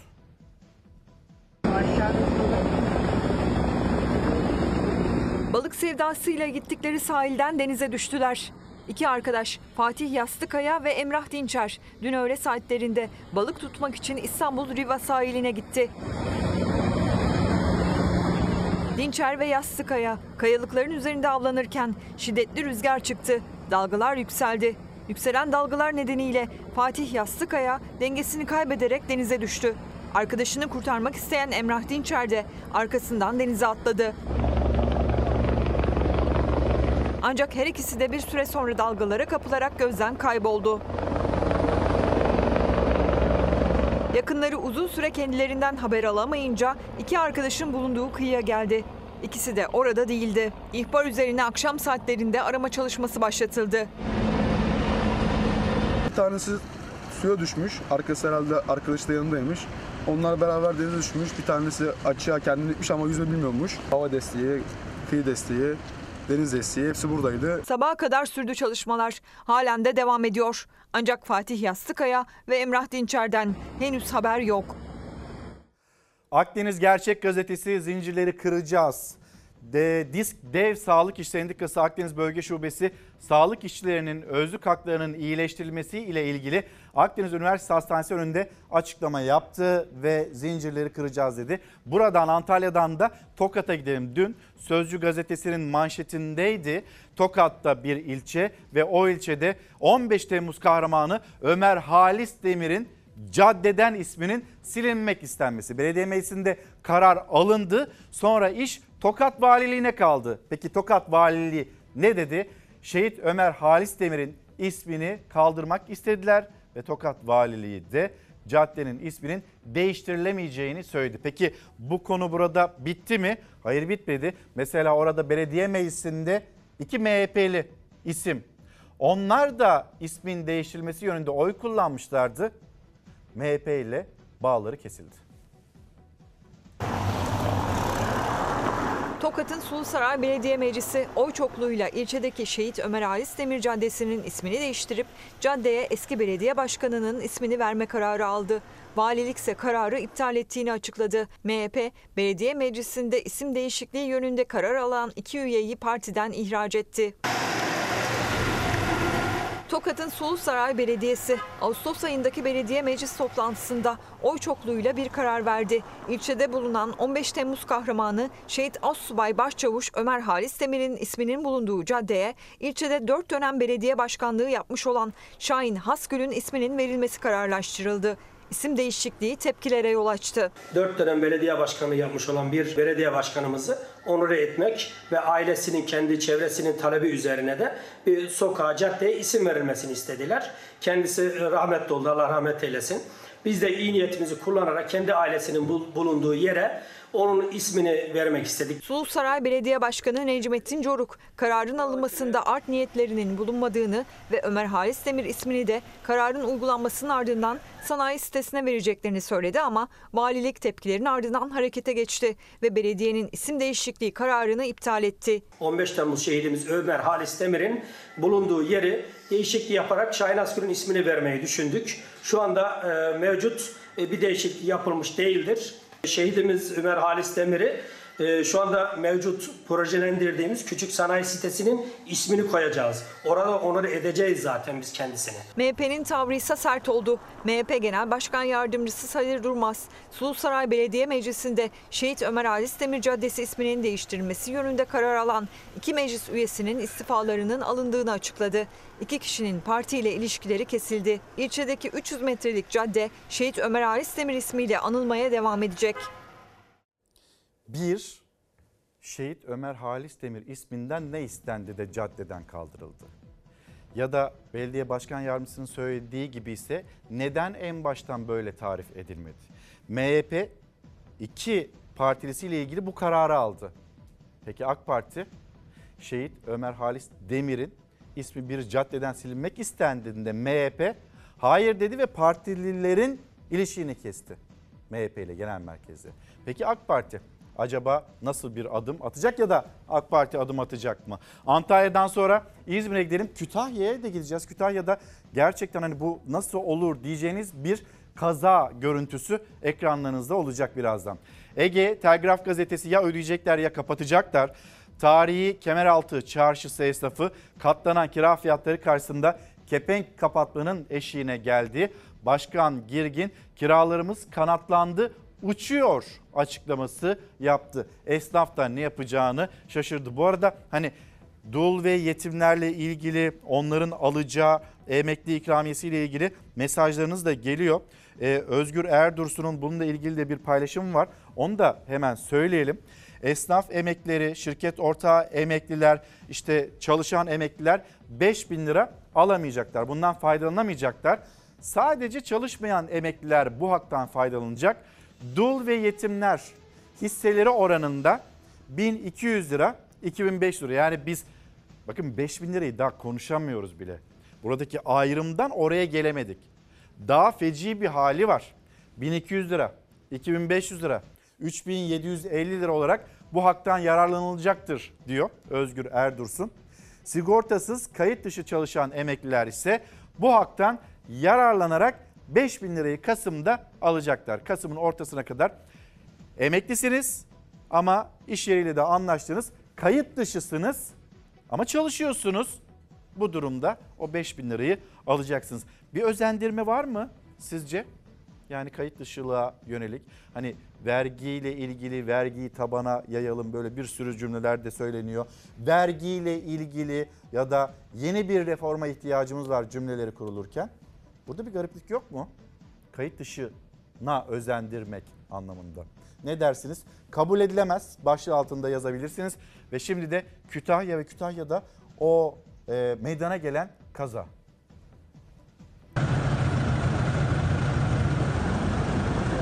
Ehliyetsiz, alkollü ve çok hızlıydı. Önce park halindeki minibüse çarptı, ardından kontrolü tamamen kaybetti. Su kanalına düştü.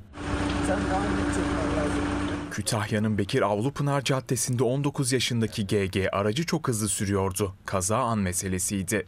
Ne kendi ve yanındaki kişinin can güvenliği ne de trafik güvenliği umrundaydı. Bir yerden sonra aracın hakimiyetini yitirmeye başladı. Önce park halindeki minibüse çarptı. Minibüs çarpmanın etkisiyle sallandı. Ardından otomobil yolun kenarındaki su kanalına uçtu. Sağlık ekipleri 19 yaşındaki sürücü ve yanındaki kişiyi hastaneye kaldırdı. Yapılan tedavinin ardından polis ekipleri ehliyetsiz ve alkollü otomobil kullandığını tespit ettiği genci gözaltına aldı. Soruşturma ise sürüyor. Adana'dayız. Güney Haber gazetesi manşeti Türkiye nüfusu 85 milyon 21 milyon icra dosyası var. Yani bu ülkede her 4 kişi hakkında bir icra dosyası var. Yakın zamanda göreceksiniz demiştik o muhtarlıklarda katlanan pembe dosyalar sonra tebligatlar ne kadar daha fazla olacak diye. 85 milyon nüfuslu memleketimizde 21 milyon icra dosyası. Gaziantep Oluşum Gazetesi gereksiz çağrıda rekor kırdık. 112 acil çağrı merkezini lütfen ama lütfen meşgul etmeyin. Bir gün size de lazım olacak. Gereksiz bir şekilde sohbet için orayı da kullanmayın. Ankara'ya gideceğiz. Ankara ile birlikte İzmir, e, Bayraklı'ya da gitmiş olacağız. Çocuklar ve onların beslenebilmesi için nasıl yerel yönetimler devreye giriyor? Onunla haberi. Fazla şey koyamıyorum çünkü geçim sıkıntısı her şeye zam olunca bir şey yapamıyorum maalesef. Yumurta olmuş yüzü geçikken nasıl alıp da çocuğumun şeyine koyacaksın? Meyve? Meyve zaten koyamam, alamam maalesef. Kira da zaten zor yani. Çocukların isteği çok ama para olmayınca da imkan el vermeyince de alamıyorsun. İmkanı el vermediği için 3. sınıf öğrencisi tek oğlunun beslenme çantasına koyabildiği sadece poğaça. Gelişim çağındaki ilkokul öğrencilerinin birçoğu beslenme yetersizliği nedeniyle sağlıklı gelişemiyor. Milli Eğitim Bakanlığı beslenme yardımının başlayıp başlamayacağına ilişkin bir açıklama yapmazken Ankara Büyükşehir Belediyesi sosyal yardım alan ailelerin 10.762 çocuğu için 550'şer lira kantin desteği ödemesi yaptı. Geçen gün bir tane arkadaşı niye muz koyuyorsun? Hani ben yiyemiyorum gibi bir şey söylemiş. Çok üzüldüm ama yapacak bir şey yok şu anda ekonominin durumu da belli. Ücretsiz olarak verdiğimiz yemek uygulamasını çok yakında 5 milyon öğrenciye çıkaracağız. Seçim öncesi beslenme yardımı için 5 milyon öğrenci hedefini açıklamıştı Cumhurbaşkanı Erdoğan. Ama yeni eğitim döneminde Milli Eğitim Bakanlığı okul öncesi eğitimde yapılan beslenme yardımını da kaldırdı. Okulda bir sefer yemek verilmesi gerekir deniliyordu. Hani onu da çektiler. Bakanlığın bütçesi uygun değilmiş bunu yapmaya. Sarayın günlük masrafı 15 milyon üzerinde biraz kısıtlasın cebinden takviye yapsın. Sınıfımızda tabii ki durumu iyi olmayan çocuklarımız var. Beslenme getiremeyen çocuklar da var. Bir mandalin konumuz oldu. Maalesef ki birkaç çocuğumuz alamadı sınıfımızda ve ertesi gün sıkıntı çıktı. Aileler çocuklarının beslenmesine meyve, süt, yumurta koymak istese de geliri imkan vermiyor. Öğretmenler ayarlıyor. Yani bir kademede koyuluyor. En ucuz meyve neyse mesela onları öneriyorlar. Her gün haberlerde okula aç giden ve okulda aç kalan çocuklarımızı üzülerek takip ediyoruz. Bu haberler bizlerin sorumluluğunu daha da artırıyor. AK Parti Grup Başkan Vekili Leyla Şahin Usta talep olursa çocuklara beslenme yardımı yapılıyor demişti. Ama talebin olmadığı bir okul neredeyse yok. Ankara Büyükşehir Belediye Başkanı Mansur Yavaş ise 2022 yılında başlattığı öğrencilere kantin desteğini bu senede sürdürüyor. Sosyal yardım alan ailelerin 10.762 çocuğu için aylık 550 lira kantin desteği ödemesi yaptı Ankara Büyükşehir Belediyesi. Biz Bayraklı Belediyesi olarak kararlıyız. Bu kentte kimse yatağa aç girmeyecek. İzmir Bayraklı Belediyesi de ihtiyaç sahibi bin öğrenciye okul kantinlerinde kullanması için günlük 30 TL'lik destek sağlıyor. Aysel Hanım, Aysel ile günaydınlar. Çalışan emekli demek zaten emeklilerin mağdur edildiği anlamına gelir. Ve sonra emeklileri düşünüyorlarsa kök maaşlarımıza zam yapsınlar mesajını paylaşıyor. Ee, hani gençlerden hiç söz etmiyorsunuz demişti bir izleyicimiz. Geleceğiz ona ama Cumhuriyet Gazetesi'nden iki haber okuyalım. Öyle gelelim. Cumhuriyet Gazetesi'nde milyonlar ilaca ulaşamayacak. Önemli bir haber. Tüm Eczacı İşverenler Sendikası Başkanı Nurten Say'dan aralarında grip, alerji ve ağrı kesicilerin de bulunduğu 500'den fazla ilacın hastaneler arasında takas edilmesinin engellendiğini duyurdu. Saydan takas zorunlu bir durum. Suistimali yapanlar cezalandırılır. Milyonlar değil dedi eczanelere gelen takas engeline bir itiraz ve siz eczaneye gittiğinizde doktorunuzun yazmış olduğu bir ilacı bulmakta zorluk çekiyor musunuz? Lütfen onu da paylaşın çünkü bu da kabul edilebilecek bir durum değil.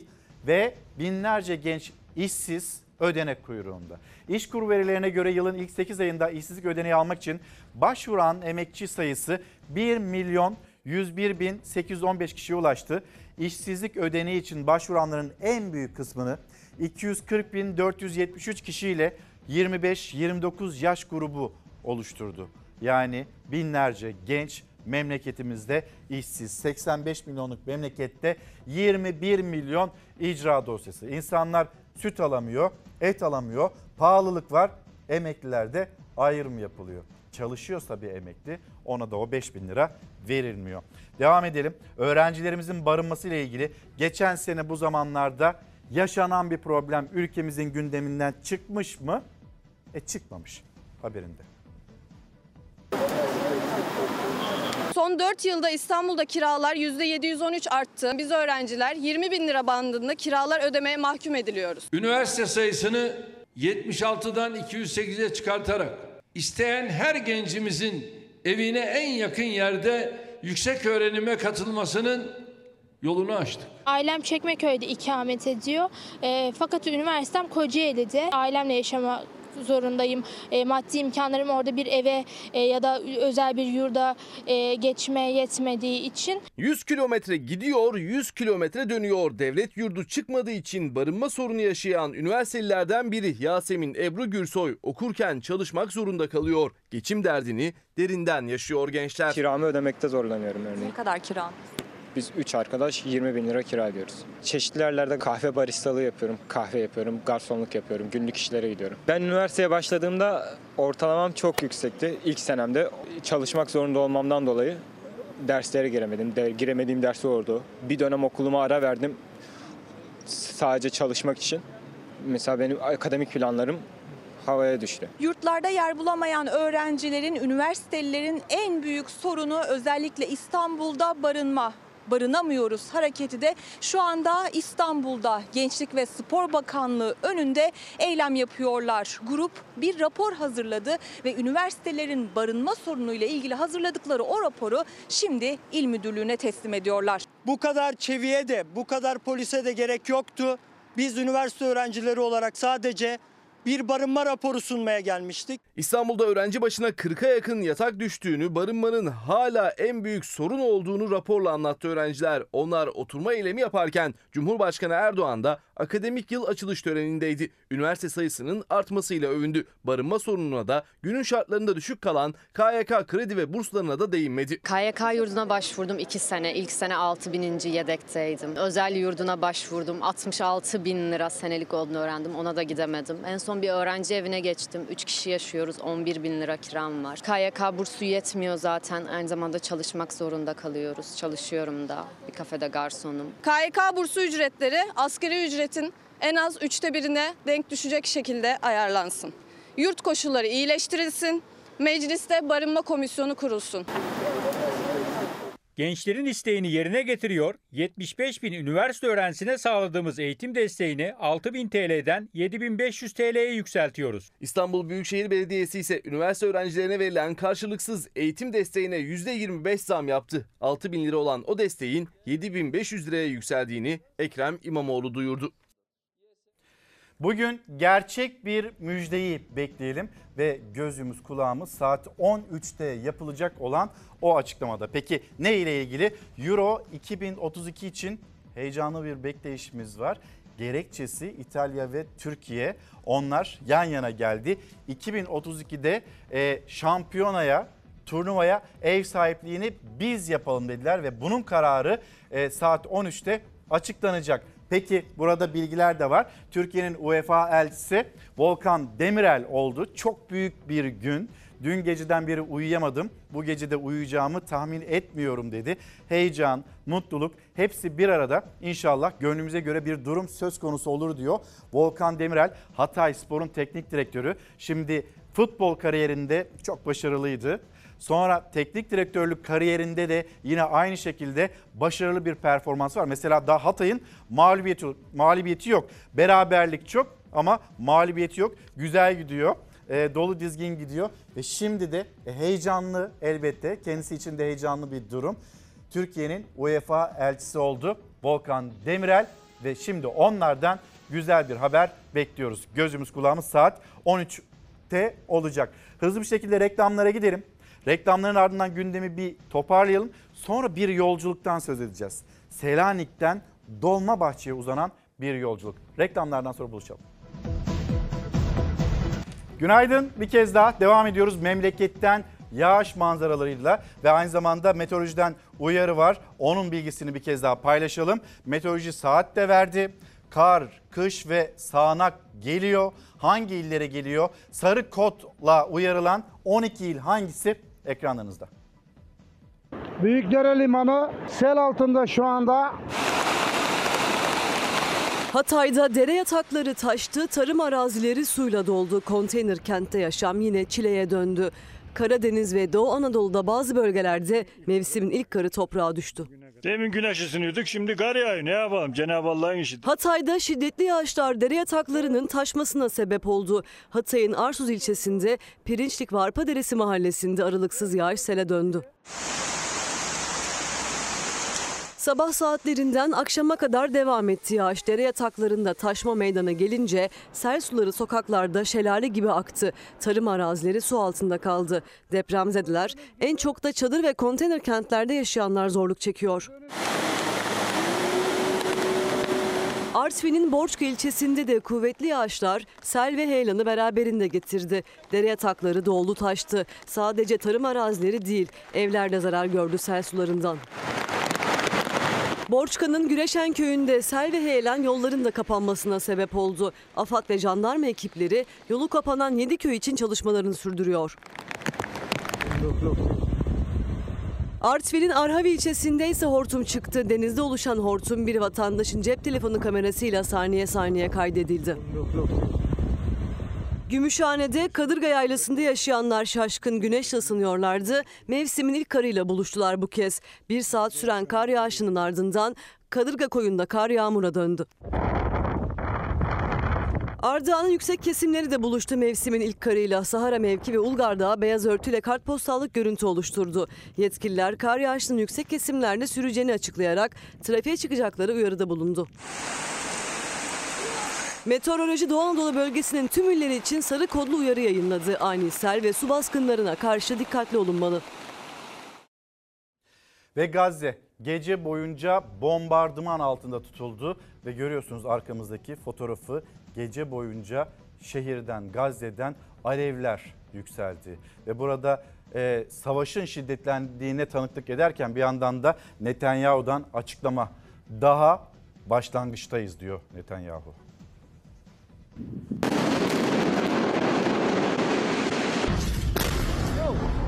Oh, wait, wait, they've gone out of vacuum.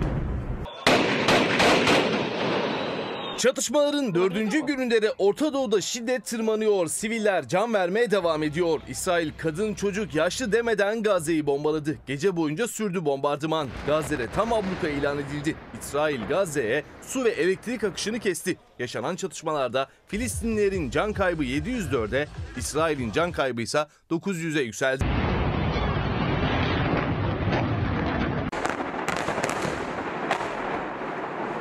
Hamas'ın cumartesi sabahı İsrail'e yönelik düzenlediği Aksa tufanı saldırısının dördüncü gününe girilirken de bölgeden bombardıman sesleri yükseldi. İsrail abluka altındaki Gazze'ye bomba yağdırdı.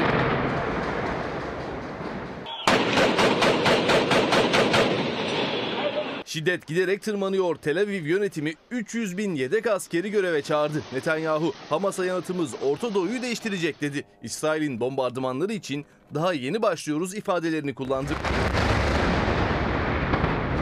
Netanyahu hükümetinin savaş ilanı sonrası İsrail jetleri önceki gece olduğu gibi bu gece boyunca da Gazze'ye hava saldırısı düzenledi. İçinde sivillerin bulunduğu evleri, kamu binalarını, tünelleri ve camileri vurdu. Yüzlerce ev enkaza döndü.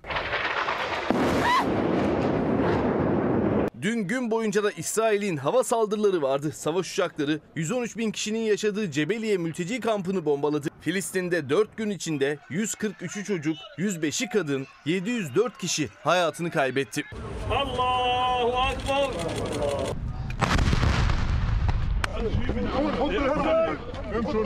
Hamas'ın askeri kanadı İzzettin Kassam Tugayları saldırılara roketlerle yanıt verdi. Aşkelon, Kudüs ve Tel Aviv'deki Ben Gurion havalimanına roket fırlattı.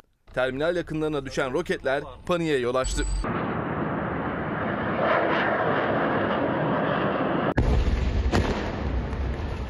Hamas'ı yok etmek için kara harekatına hazırlanan İsrail'de seferberlik ilan edildi. 300 bin yedek asker göreve çağrıldı. Savunma Bakanı Galant Gazze'yi abluk altına aldıklarını açıkladı. İsrail gece saatlerinde Gazze'ye su ve elektrik akışını kesti. Kendi vatandaşlarına ise su depolamaları yönünde çağrı yaptı. Vallahi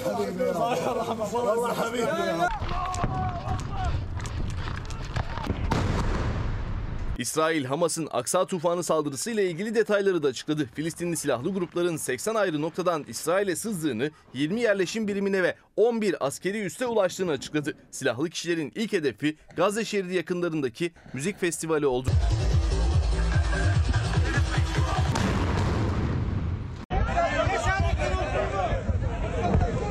Silahlı grupların paramotorlarla festivale inişinin ardından büyük panik başladı. Yüzlerce kişi koşarak kaçmaya çalışırken bazı gençler çalılıklar arasına saklandı.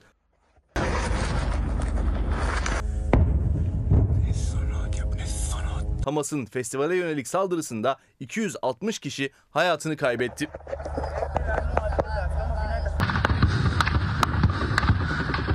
Ana kadar yaşanan çatışmalarda 900 İsrailli hayatını kaybetti. İsrail'in yanındayız açıklaması yapan Amerika Birleşik Devletleri ise çatışmalarda 9 vatandaşının hayatını kaybettiğini duyurdu. İsrail'e destek için en büyük uçak gemisini Doğu Akdeniz'e gönderme kararı aldı. Orta Doğu'daki çatışmalar dördüncü gününe girmişken dün İsrail Başbakanı Netanyahu daha yeni başladık açıklamasıyla şiddetin artacağı mesajını verdi. İsrail Lübnan sınırında da tansiyon yükseldi. İsrail Lübnan'dan sızma girişimi üzerine savaş uçaklarıyla bazı hedefleri vurdu.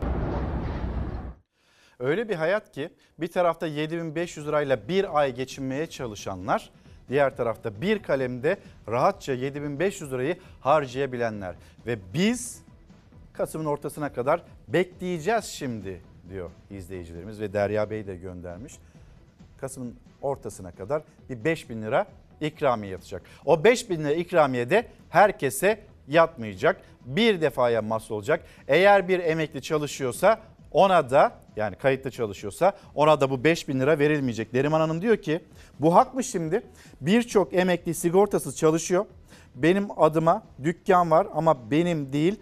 Benim suçum ne şimdi? Ben niye alamıyorum? Artık hani orada dükkan sahibiyle kimin adınaysa burada böyle bir anlaşma yoluna gideceksiniz. Eğer yakınınızsa e, orada da yapılacak bir durum yok maalesef. Şimdi 5000 lira ödenecek müjde diye e, takdim ediliyor bazı gazetelerde ama öyle olacağı da söylenmişti.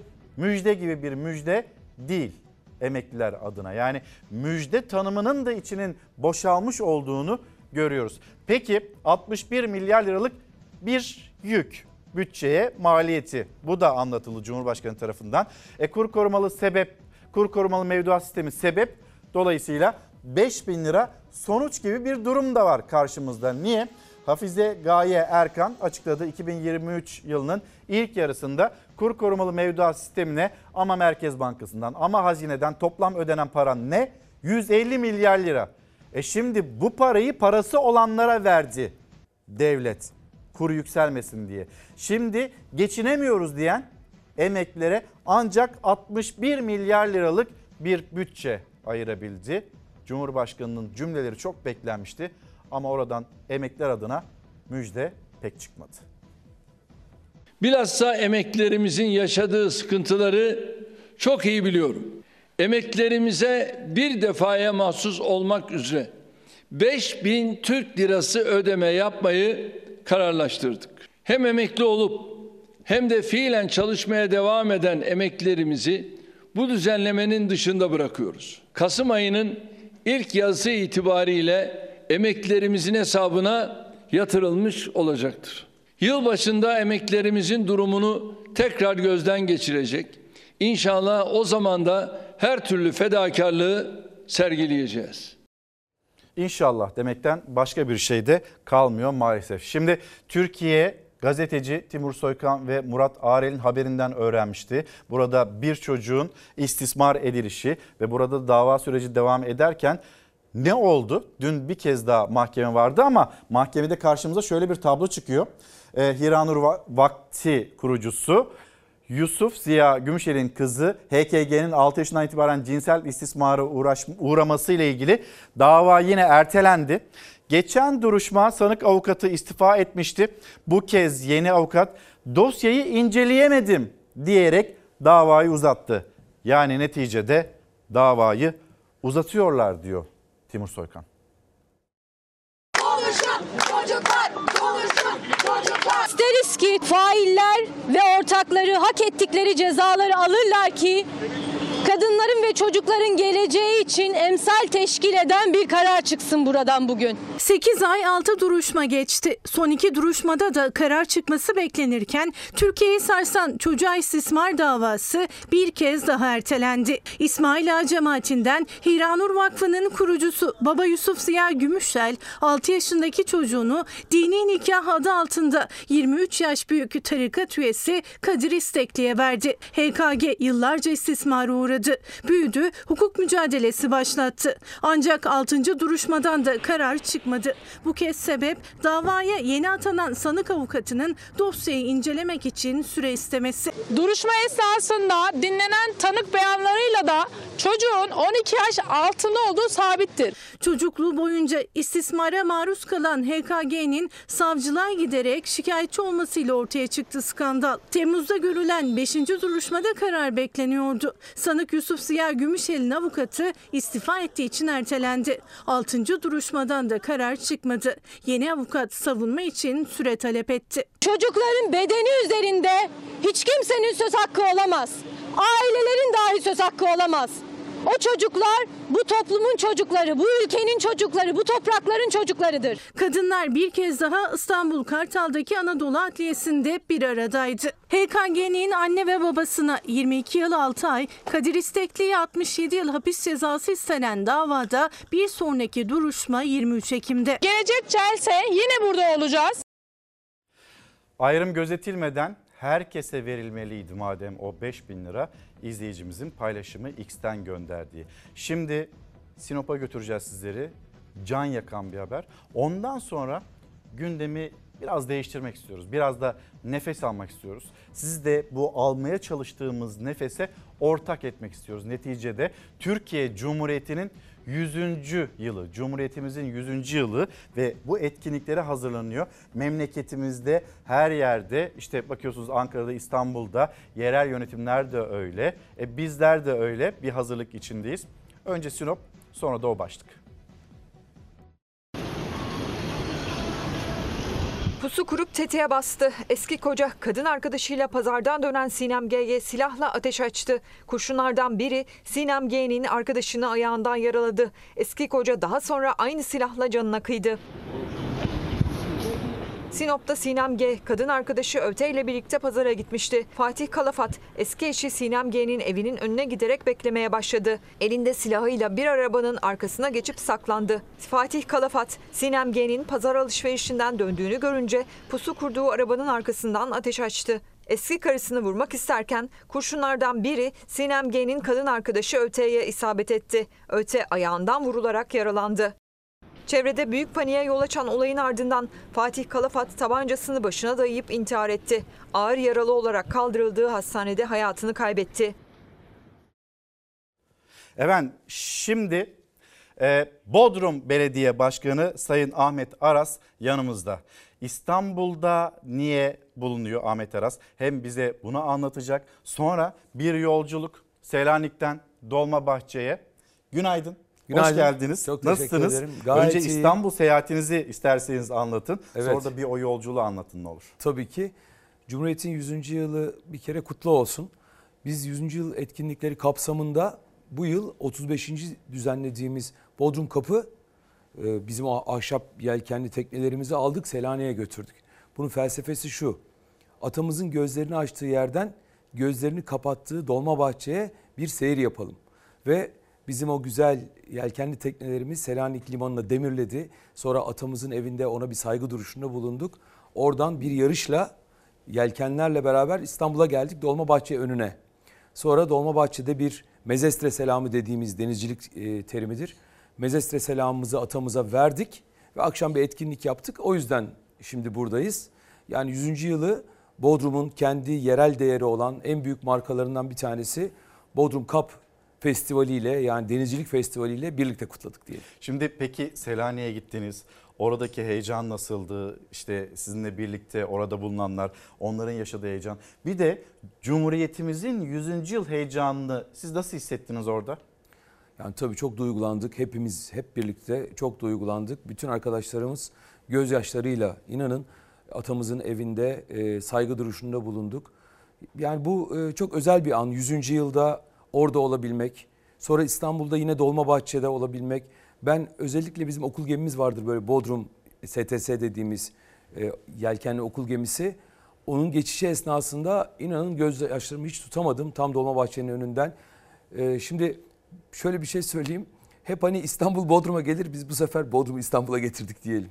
İyi yaptınız. Sağ Hoş olun. geldiniz. Sağ Şimdi olun. gündeme dair notlarımız da var. Onları da konuşmak istiyoruz. Kuraklık mesela e, bugün konuşmak istediğimiz konulardan Evet. birisi. Sonra e, Bodrum'da olanlar, yaşayanlar hala hani evlerini işte ikinci evlerini bırakıp da memleketlerine dönmemiş olanlar vardır. Yine Bodrumlular e, duygularınız, düşünceleriniz, yaşamış olduğunuz e, durumlar ve düzeltilmesini istediğiniz konular varsa bizlere yine mesajlarını ulaştırabilirler. Nereden başlayalım? Kuraklıktan başlayalım. mı? Ciddi Başlayalım. bir sorun çünkü. Tabii ki. Yani son yıllarda zaten sadece Bodrum değil bütün Türkiye'de hissediliyor. Şu anda iklim krizinin etkilerini görüyoruz. Bu da e, tabii en büyük e, tehdidi su kaynaklarımıza veriyor. Buharlaşma çok fazla. E, küresel sıcaklık veya mevsimsel sıcaklıklar üst derecede. Bu sene mesela Bodrum hiç görmediği sıcak havayı gördü. O yüzden yeraltı sularındaki eksiklik, barajlardaki kuruma, e, yine su kaynaklarımızın farklı şekilde kullanılmasına karşı böylece bu yaz biz ciddi bir sıkıntı geçirdik. Bodrum'un bir de nüfusu biliyorsun son yıllarda özellikle pandemiden sonra 2,5-3 katına çıktı. Yani bu sabit nüfus. Evet.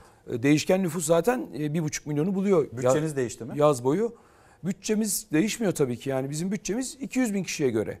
Yani merkezi bütçeden aldığımız pay 200 bin kişilik ama harcadığımız 500-600 bin kişilik yazın 1,5 milyon kişilik. E nasıl oluyor? Nasıl yetiyor? Yani büyük bir gayretle kendi bütçemizi oluşturmaya çalışıyoruz. Yani belediyelerin biliyorsunuz emlak vergilerinden, ecri misillerden, diğer ilan reklam vergilerinden ya da kiralardan aldığı farklı gelirler de var. Biz onları arttırmaya çalışıyoruz ısrarla. Ama tabii ki yetişmek çok zor oluyor.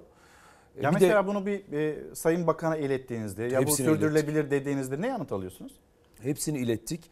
Biz tekliflerimizle beraber gidiyoruz. Ee, Yani mevzuatın değişmesini, yasanın değişmesi gerektiğini söylüyorlar ama hiç adım atmıyorlar.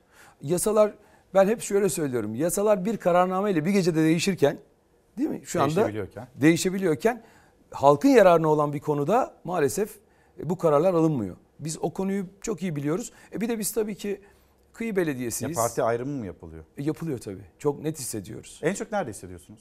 En çok e, mesela İller Bankası'nda hissediyoruz.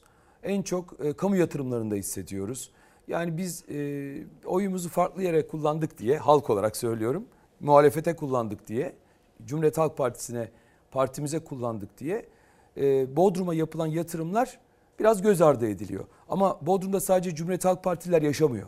Bodrum'da e, bütün partililer ve dünyanın her yerinden 72 milletten insan yaşıyor. Yani or- orada e, yapılmayan yatırımın cezasını sadece biz çekmiyoruz. Herkes çekiyor. Peki kuraklık konusuna tekrar geri dönecek Evet, olursak. evet. Kuraklık konusu şu Ya anda ba- barajların doluluk oranı nedir şu anda? yani yüzde altıya düştü Mumcular Barajı ve şu anda kapatıldı. Yüzde Yani altı. oradan hiç su alamıyoruz şu anda tabii. Normalde 18 milyon metreküp su olması gereken barajda zaten 2023 başında yani yağmur sezonundan sonra 6 milyon metreküp su kalmıştı. Şu anda artık o da bitti. O yüzden oradan su alamıyoruz. Bodrum'un yıllık su ihtiyacı, kullanma su ihtiyacı 44 milyon metreküp. Bize e, şu anda devlet su işleri tarafından tahsis edilen hem barajlardan hem yeraltı sularından e, aldığımız su miktarı 21 milyon metreküp. Yani bizim 23 milyon metreküp açığımız var. Bunu da e, herkes ya denizden arıtmayla ya kendi kuyularıyla idare etmeye çalışıyor ya da tankerle su satın alıyor. O yüzden bunu çözmek için büyük bir gayret içerisindeyiz. Biz de denizden arıtmayı, yeni su kaynaklarını yaratmayı, tasarruf etmeyi e, çalışıyoruz. Yağmur hasadını çalışıyoruz. Mesela en son meclisten karar aldık. Bütün bundan sonra yapılacak binaların alt katında bir yağmur suyu deposu olacak ve bahçeye veya çatıya düşen suyu orada toplayacağız. Bir kere bu bir yöntem. Havuzların kullanımını biraz kısıtlamayı planlıyoruz. En azından suyun değişim. Nasıl yani? Oradaki su her sene değiştiriliyor ya havuz Evet. suları. Siteler tarafından ya da konutlar ya da oteller tarafından. Artık değiştirmeye gerek yok. Çünkü yeni teknoloji filtre, e, filtrasyon sistemleriyle o su 12 ay boyunca çok güzel stabil kalabiliyor. Bir kere dolduruyorsunuz tamam bitiyor. Hani havuzları yasaklayalım kaldıralım desek çok rasyonel bir çözüm değil. Aynı zamanda peyzaj alanlarında kullanılan hem sitelerin hem belediyenin bitkileri de bölgenin bitkilerinden yani nasıl kaktüslerden, zakkumlardan biraz su fakiri bitkilerden biz de belediye olarak seçiyoruz ve bütün sitelere veya yeni projelere bunu öneriyoruz. Belediye olarak siz bu önlemleri alıyorsunuz. Peki vatandaşa çağrınız ya da işte e, kırsal kalkınmada kullanılan elbette su var ve en çok Evet. suyun da tüketildiği yer olarak da biz tarımı Doğru. görüyoruz. Doğru. E, Şimdi tarımsal sulamayı tabii ki akıllı artık e, sistemlerle damlama sulamayla ya da tekrar kullanılabilir dikey tarım yöntemleri var. Biliyorsunuz topraksız tarım yöntemleri var. O yüzden artık bunları kullanarak yapmayı planlıyoruz. Zaten biz belediye olarak tarım alanında da çok ciddi e, yatırımlar yapıyoruz ama şöyle yani bir tarım üretimi değil de daha çok deneysel vatandaşlarımızı bilgilendirici, bilinçlendirici işler yapıyoruz. Okul açtık bir tane mesela İsmail Hakkı Tonguç Tarım Okulu ve Müzesi açtık. Orada bu eğitimleri veriyoruz. Tabii Bodrum'un su sorununun asıl ana kaynaklarından bir tanesi de termik santraller. Yani Akbelen'e gelelim. Gelelim. Evet. Akbelen dediğimiz konu sadece bir ağaç meselesi değil. İki tane termik santralimiz var orada. Bir tane de yatağında var. Bunların kullandığı soğutma suyu Bodrum'un bir yıllık su ihtiyacı kadar. Ve heba oluyor bu. Şimdi normalde anayasal hak olarak e, kaynaklardan yani yeraltı veya yerüstü kaynaklarından doğal kaynaklardan suyun birinci kullanım hakkı insan ihtiyacı. Bir. İki e, tarımsal sulama. Üç endüstriyel işte tekstilde kullanılan veya diğer ürünleri üretmekte kullanılan su. Dört e, madenler. Madenler de kullanıyor ve enerji. Enerji üretiminde kullanılan ve heba olan su. Ama biz burada şu anda Vatandaş Maslow'un- kaçıncı sıraya düştü? Beşinci de bile yokuz. Yani Maslow'un ihtiyaçlar teorisinde bir olması gereken de değil. Biz şu anda piramidin en üstündeyiz. Yani diyelim. Yani Temel nefes ihtiyacımız olacak e, ya da yaşayacak olan insanlar ama biz orada neye kıymet veriyoruz? Bunun Yerin çözümü- altından çıkartılacak olan madene mi daha fazla kıymet maalesef veriyoruz? maalesef Yeşile fosil kıymet yakıta. gördük zaten. Ama maden maden sadece e, orada bizi kurtarmıyor. Çünkü orada giden tarım alanları var, zeytinliklerimiz var, köylerimiz taşınıyor. Binlerce yıllık medeniyet ortadan kaldırılıyor, kültür yok oluyor. İnsanlar taşınmak zorunda bırakılıyor, göçmek zorunda kalıyorlar. Binlerce yıllık köylerinden, atasının mezarından, ibadethanesinden, köyünden, merasından göçmek zorunda kalıyor. E bunun çözümü var. Şu anda Almanya %90 oranında güneşi ve rüzgarı kullanıyor enerji üretiminde. Artık temiz enerji kullanılıyor. Biz de fosil yakıtları bırakalım. Bu termik santralleri kısa bir vadeyle kapatalım. Yerine elektrik, şey güneşten ya da rüzgardan enerji üretelim. Çok basit ve suyumuzu kurtaralım. Su temel Yani susuzluğun, ihtiyaç. kuraklığın en önemli gerekçelerinden birisi de termik santraller bölgedeki. Tabii ki öyle. Çünkü termik santrallerin kullandığı soğutma suyu tamamen geri dönüşümsüz. Yani o su heba oluyor ve gidiyor. Aynı zamanda tabii linyit çıkarmak için bütün tarım alanları ki Akbelen'de biliyorsunuz ormanlar her şey yok ediliyor. Yani biz bunları anlatıyoruz bıkmadan usanmadan. Şimdi ayın 11'inde de Akbelen'in davası var. Yani oradaki e, artık linyitin çıkarılmasının durdurulması lazım. Her şeyi her yerde yapamazsınız İlker Bey. Yani orada turizm de yapalım, tarım da yapalım. Aynı zamanda arıcılık da yapalım mesela. Aynı zamanda maden de çıkaralım. Ya her şeyi her yerde yapmanız imkansız. Böyle bir politika olmaz. Yani biz aslında enerji politikalarını yeniden gözden geçirmek durumundayız. Yani kuraklık derken sadece bu doğal sebeplerle olmuyor. İşte buyurun Yani İnsan eliyle de. tarımda kullanılan vahşi sulama veya enerjide üretmek için, maden çıkarmak için kullanılan veya oralarda onları işlemek için kullanılan büyük ölçüde doğal kaynaklar. Bunun zaten sonucu bir pahalılık karşımıza bu çıkıyor. Bodrum pahalı mı? Bodrum değil, Türkiye pahalı şu anda. Yani ekonomi birinci gündemimiz olmalı. Bir, de bize mesela Bodrum'u anlatır mısınız? Hani orada kiralar nasıl? İşte sebze meyve fiyatları nasıl? Evet. Ve burada alamıyorum diyenlerle ilgili mesela Evet. siz neler yapıyorsunuz? Nasıl katkı vermeye çalışıyorsunuz? Şu anda Bodrum'daki en büyük problem istihdam e, sorunu. Neden? Çünkü o insanların barınma problemi var. Kiralarını ödeyemiyorlar. Çok yüksek kiralar. En küçük evin kirası şu anda 1 artı 1 25-30. Yani bu 25-30. bu da hani o bizim bildiğimiz o çok iyi projeler değil. S- sıradan yani köylerimizin içerisinde evler bunlar. O da bulabilirsen. Yok zaten. Orada da bir e, darboğaz kriz krizi var. var. Ee, ve oradan tabii çok daha yükseklere çıkıyor kiralar. En büyük problemlerden bir tanesi bu. İki, tabii ki pazardaki, çarşıdaki, marketteki fiyatlar inanılmaz boyutlarda. E, turizm girdileri çok arttı maliyetleri. Bir kere personel girdileri. İki, ürün girdileri e, çok ciddi bir şekilde arttı. Gıda fiyatları. E, bu da ister istemez otel fiyatlarına yansıyor. Bu da turizmciyi negatif etkiliyor. Mesela biz bu sene Temmuz'a kadar ciddi sıkıntı çektik turizmde. Temmuz'a kadar beklediğimiz potansiyeli yakalamadık ama Temmuz'dan sonra biraz daha yabancıya açılınca e, gene de 2023 hedeflerine turizmcilerimiz iyi kötü ulaştı. Tabii e, Bodrum'un derdi sadece pahalılık değil. Türkiye'nin bütün e, sorunu pahalılıkta. Bunu çözmek için biz mesela halkımıza en azından e, çıksın bir nefes alsın diye 40'a yakın belediye kafe açtık. Onları işletiyoruz. Plajlar açtık. Oralarda uygun fiyata hele hele Bodrum nüfusuna ikametiniz varsa kayıtlıysanız %30 indirimle oradan yararlanıyorsunuz. Ki zaten en büyük ihtiyacımız şu. Çünkü Bodrum'da 500-600 bin kişi yaşarken biz sadece 200 bin kişilik bir e, kayıtlı nüfusa e, sahibiz. O 300 bin kişiye de ekstra para harcıyoruz. İşte sadece o değil. Mesela Bodrum'un en büyük problemlerinden bir tanesi salgından sonraki yükselen nüfusa hizmet verecek altyapı. Altyapı konusunda da 4 yıldır inanılmaz bir yatırım yapılıyor Bodrum'da. Enerji, kanalizasyon, özellikle telekom, internet, fiber optik altyapısı. Biz bunların önünü açtık. Büyükşehir Belediye'mizle muhteşem bir işbirliği içerisindeyiz. Osman Gürün Başkanım e, sağ olsun 1 milyar 200 milyonluk belki de Bodrum'un en büyük yatırımını yaptı. Altyapı ve arıtma tesisleri konusunda. Yine Turizm Bakanlığımız Büyükşehirimizle beraber Torba, Kızılağaç, Yalı Çiftlik, İçmeler tesislerini, arıtma tesislerini, kanalizasyonunu yaptı. Gene olmayan yerlerimiz Yani var. sizin için zor geçti ama pek çok projeye de imza attınız. Tamamen. Yağmur suyu tahliyeleri onlar da biliyorsunuz sel baskınları oluyordu. O konuda da biz belediye olarak ciddi at- ya- yatırımlar yaptık. Yani 4 yıldır vatandaşımız çok sıkıntı çekti. İşte yollar konusunda şikayetler size de gelmiştir. Evet. E, Kanalizasyon konusunda ama 2024'ten itibaren artık Bodrum'un %92'sinde kanalizasyon e, ve e, diğer altyapı sorunu, arıtma tesisi sorunu kalmayacak. Yollar da yapılıyor şu anda. 26 kilometre yolun ihalesini yaptı. Şu anda Büyükşehirimiz o yollar başladı. Ben belediye olarak zaten kendi sorumluluk alanında hepsini yapıyorum. Yani 2024'ten sonra vatandaşlarımız müsterih olsun. Bu altyapı sorunların birçoğu çözülmüş olacak. Yani yollarda vidanjör artık Çözülmüş olacak dediniz. Ee, yönetmenim de uyarıyor az bir süre kaldı. O Evet. zaman şöyle tamamlayalım. Mart'ın sonu yerel seçim. evet Tekrar görev almak istiyor musunuz? E, Nedir ki. yaklaşımınız? Şimdi şöyle e, bir belediye Aday baş- mısınız? başkanı tabii adayım. Bir belediye başkanının ilk dönemi e, tamamen proje hazırlama, bir proje havuzu oluşturma ve yatırımlar yapma dönemi. E, ama tabii ki altyapı olmayan bir kentte üst yapıyı yapamıyorsunuz. Benim hedefim Bodrum daha yaşanabilir, sürdürülebilir, turizmle buluşmuş, insanların mutlu olduğu bir kent yapmak. Hedefimiz bu bizim, başka bir şey değil. Ben bunun için çalışıyorum. Yoksa e, insanlara zulmetmek için değil.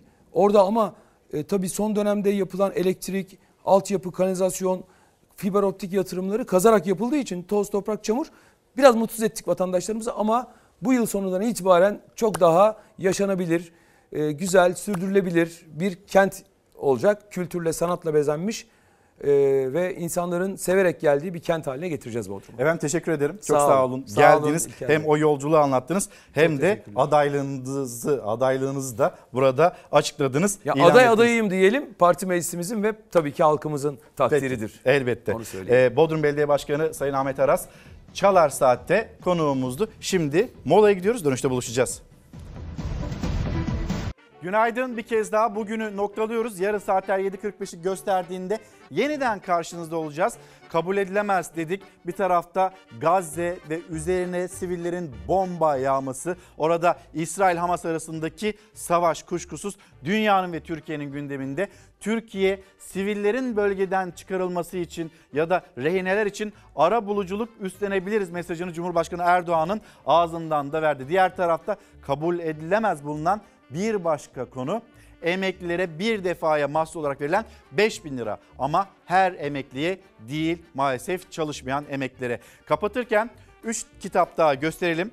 İlk ay Kalbimin Işığı, Dönüş. Sonra veteriner şairler Profesör Doktor Fuat Odabaşıoğlu'nun kitabı. Bir kitap daha yine Büşra Özdemir'den Kardeşimin Eli hemen paylaşalım ve vedalaşırken her zaman gibi teşekkürümü sizlere. Bizi izlediğiniz için çok teşekkür ederiz. Yarın sabah yine bizler burada olacağız 7.45'te. Sizleri de bekliyoruz. Hoşçakalın. Güzel bir gün olsun.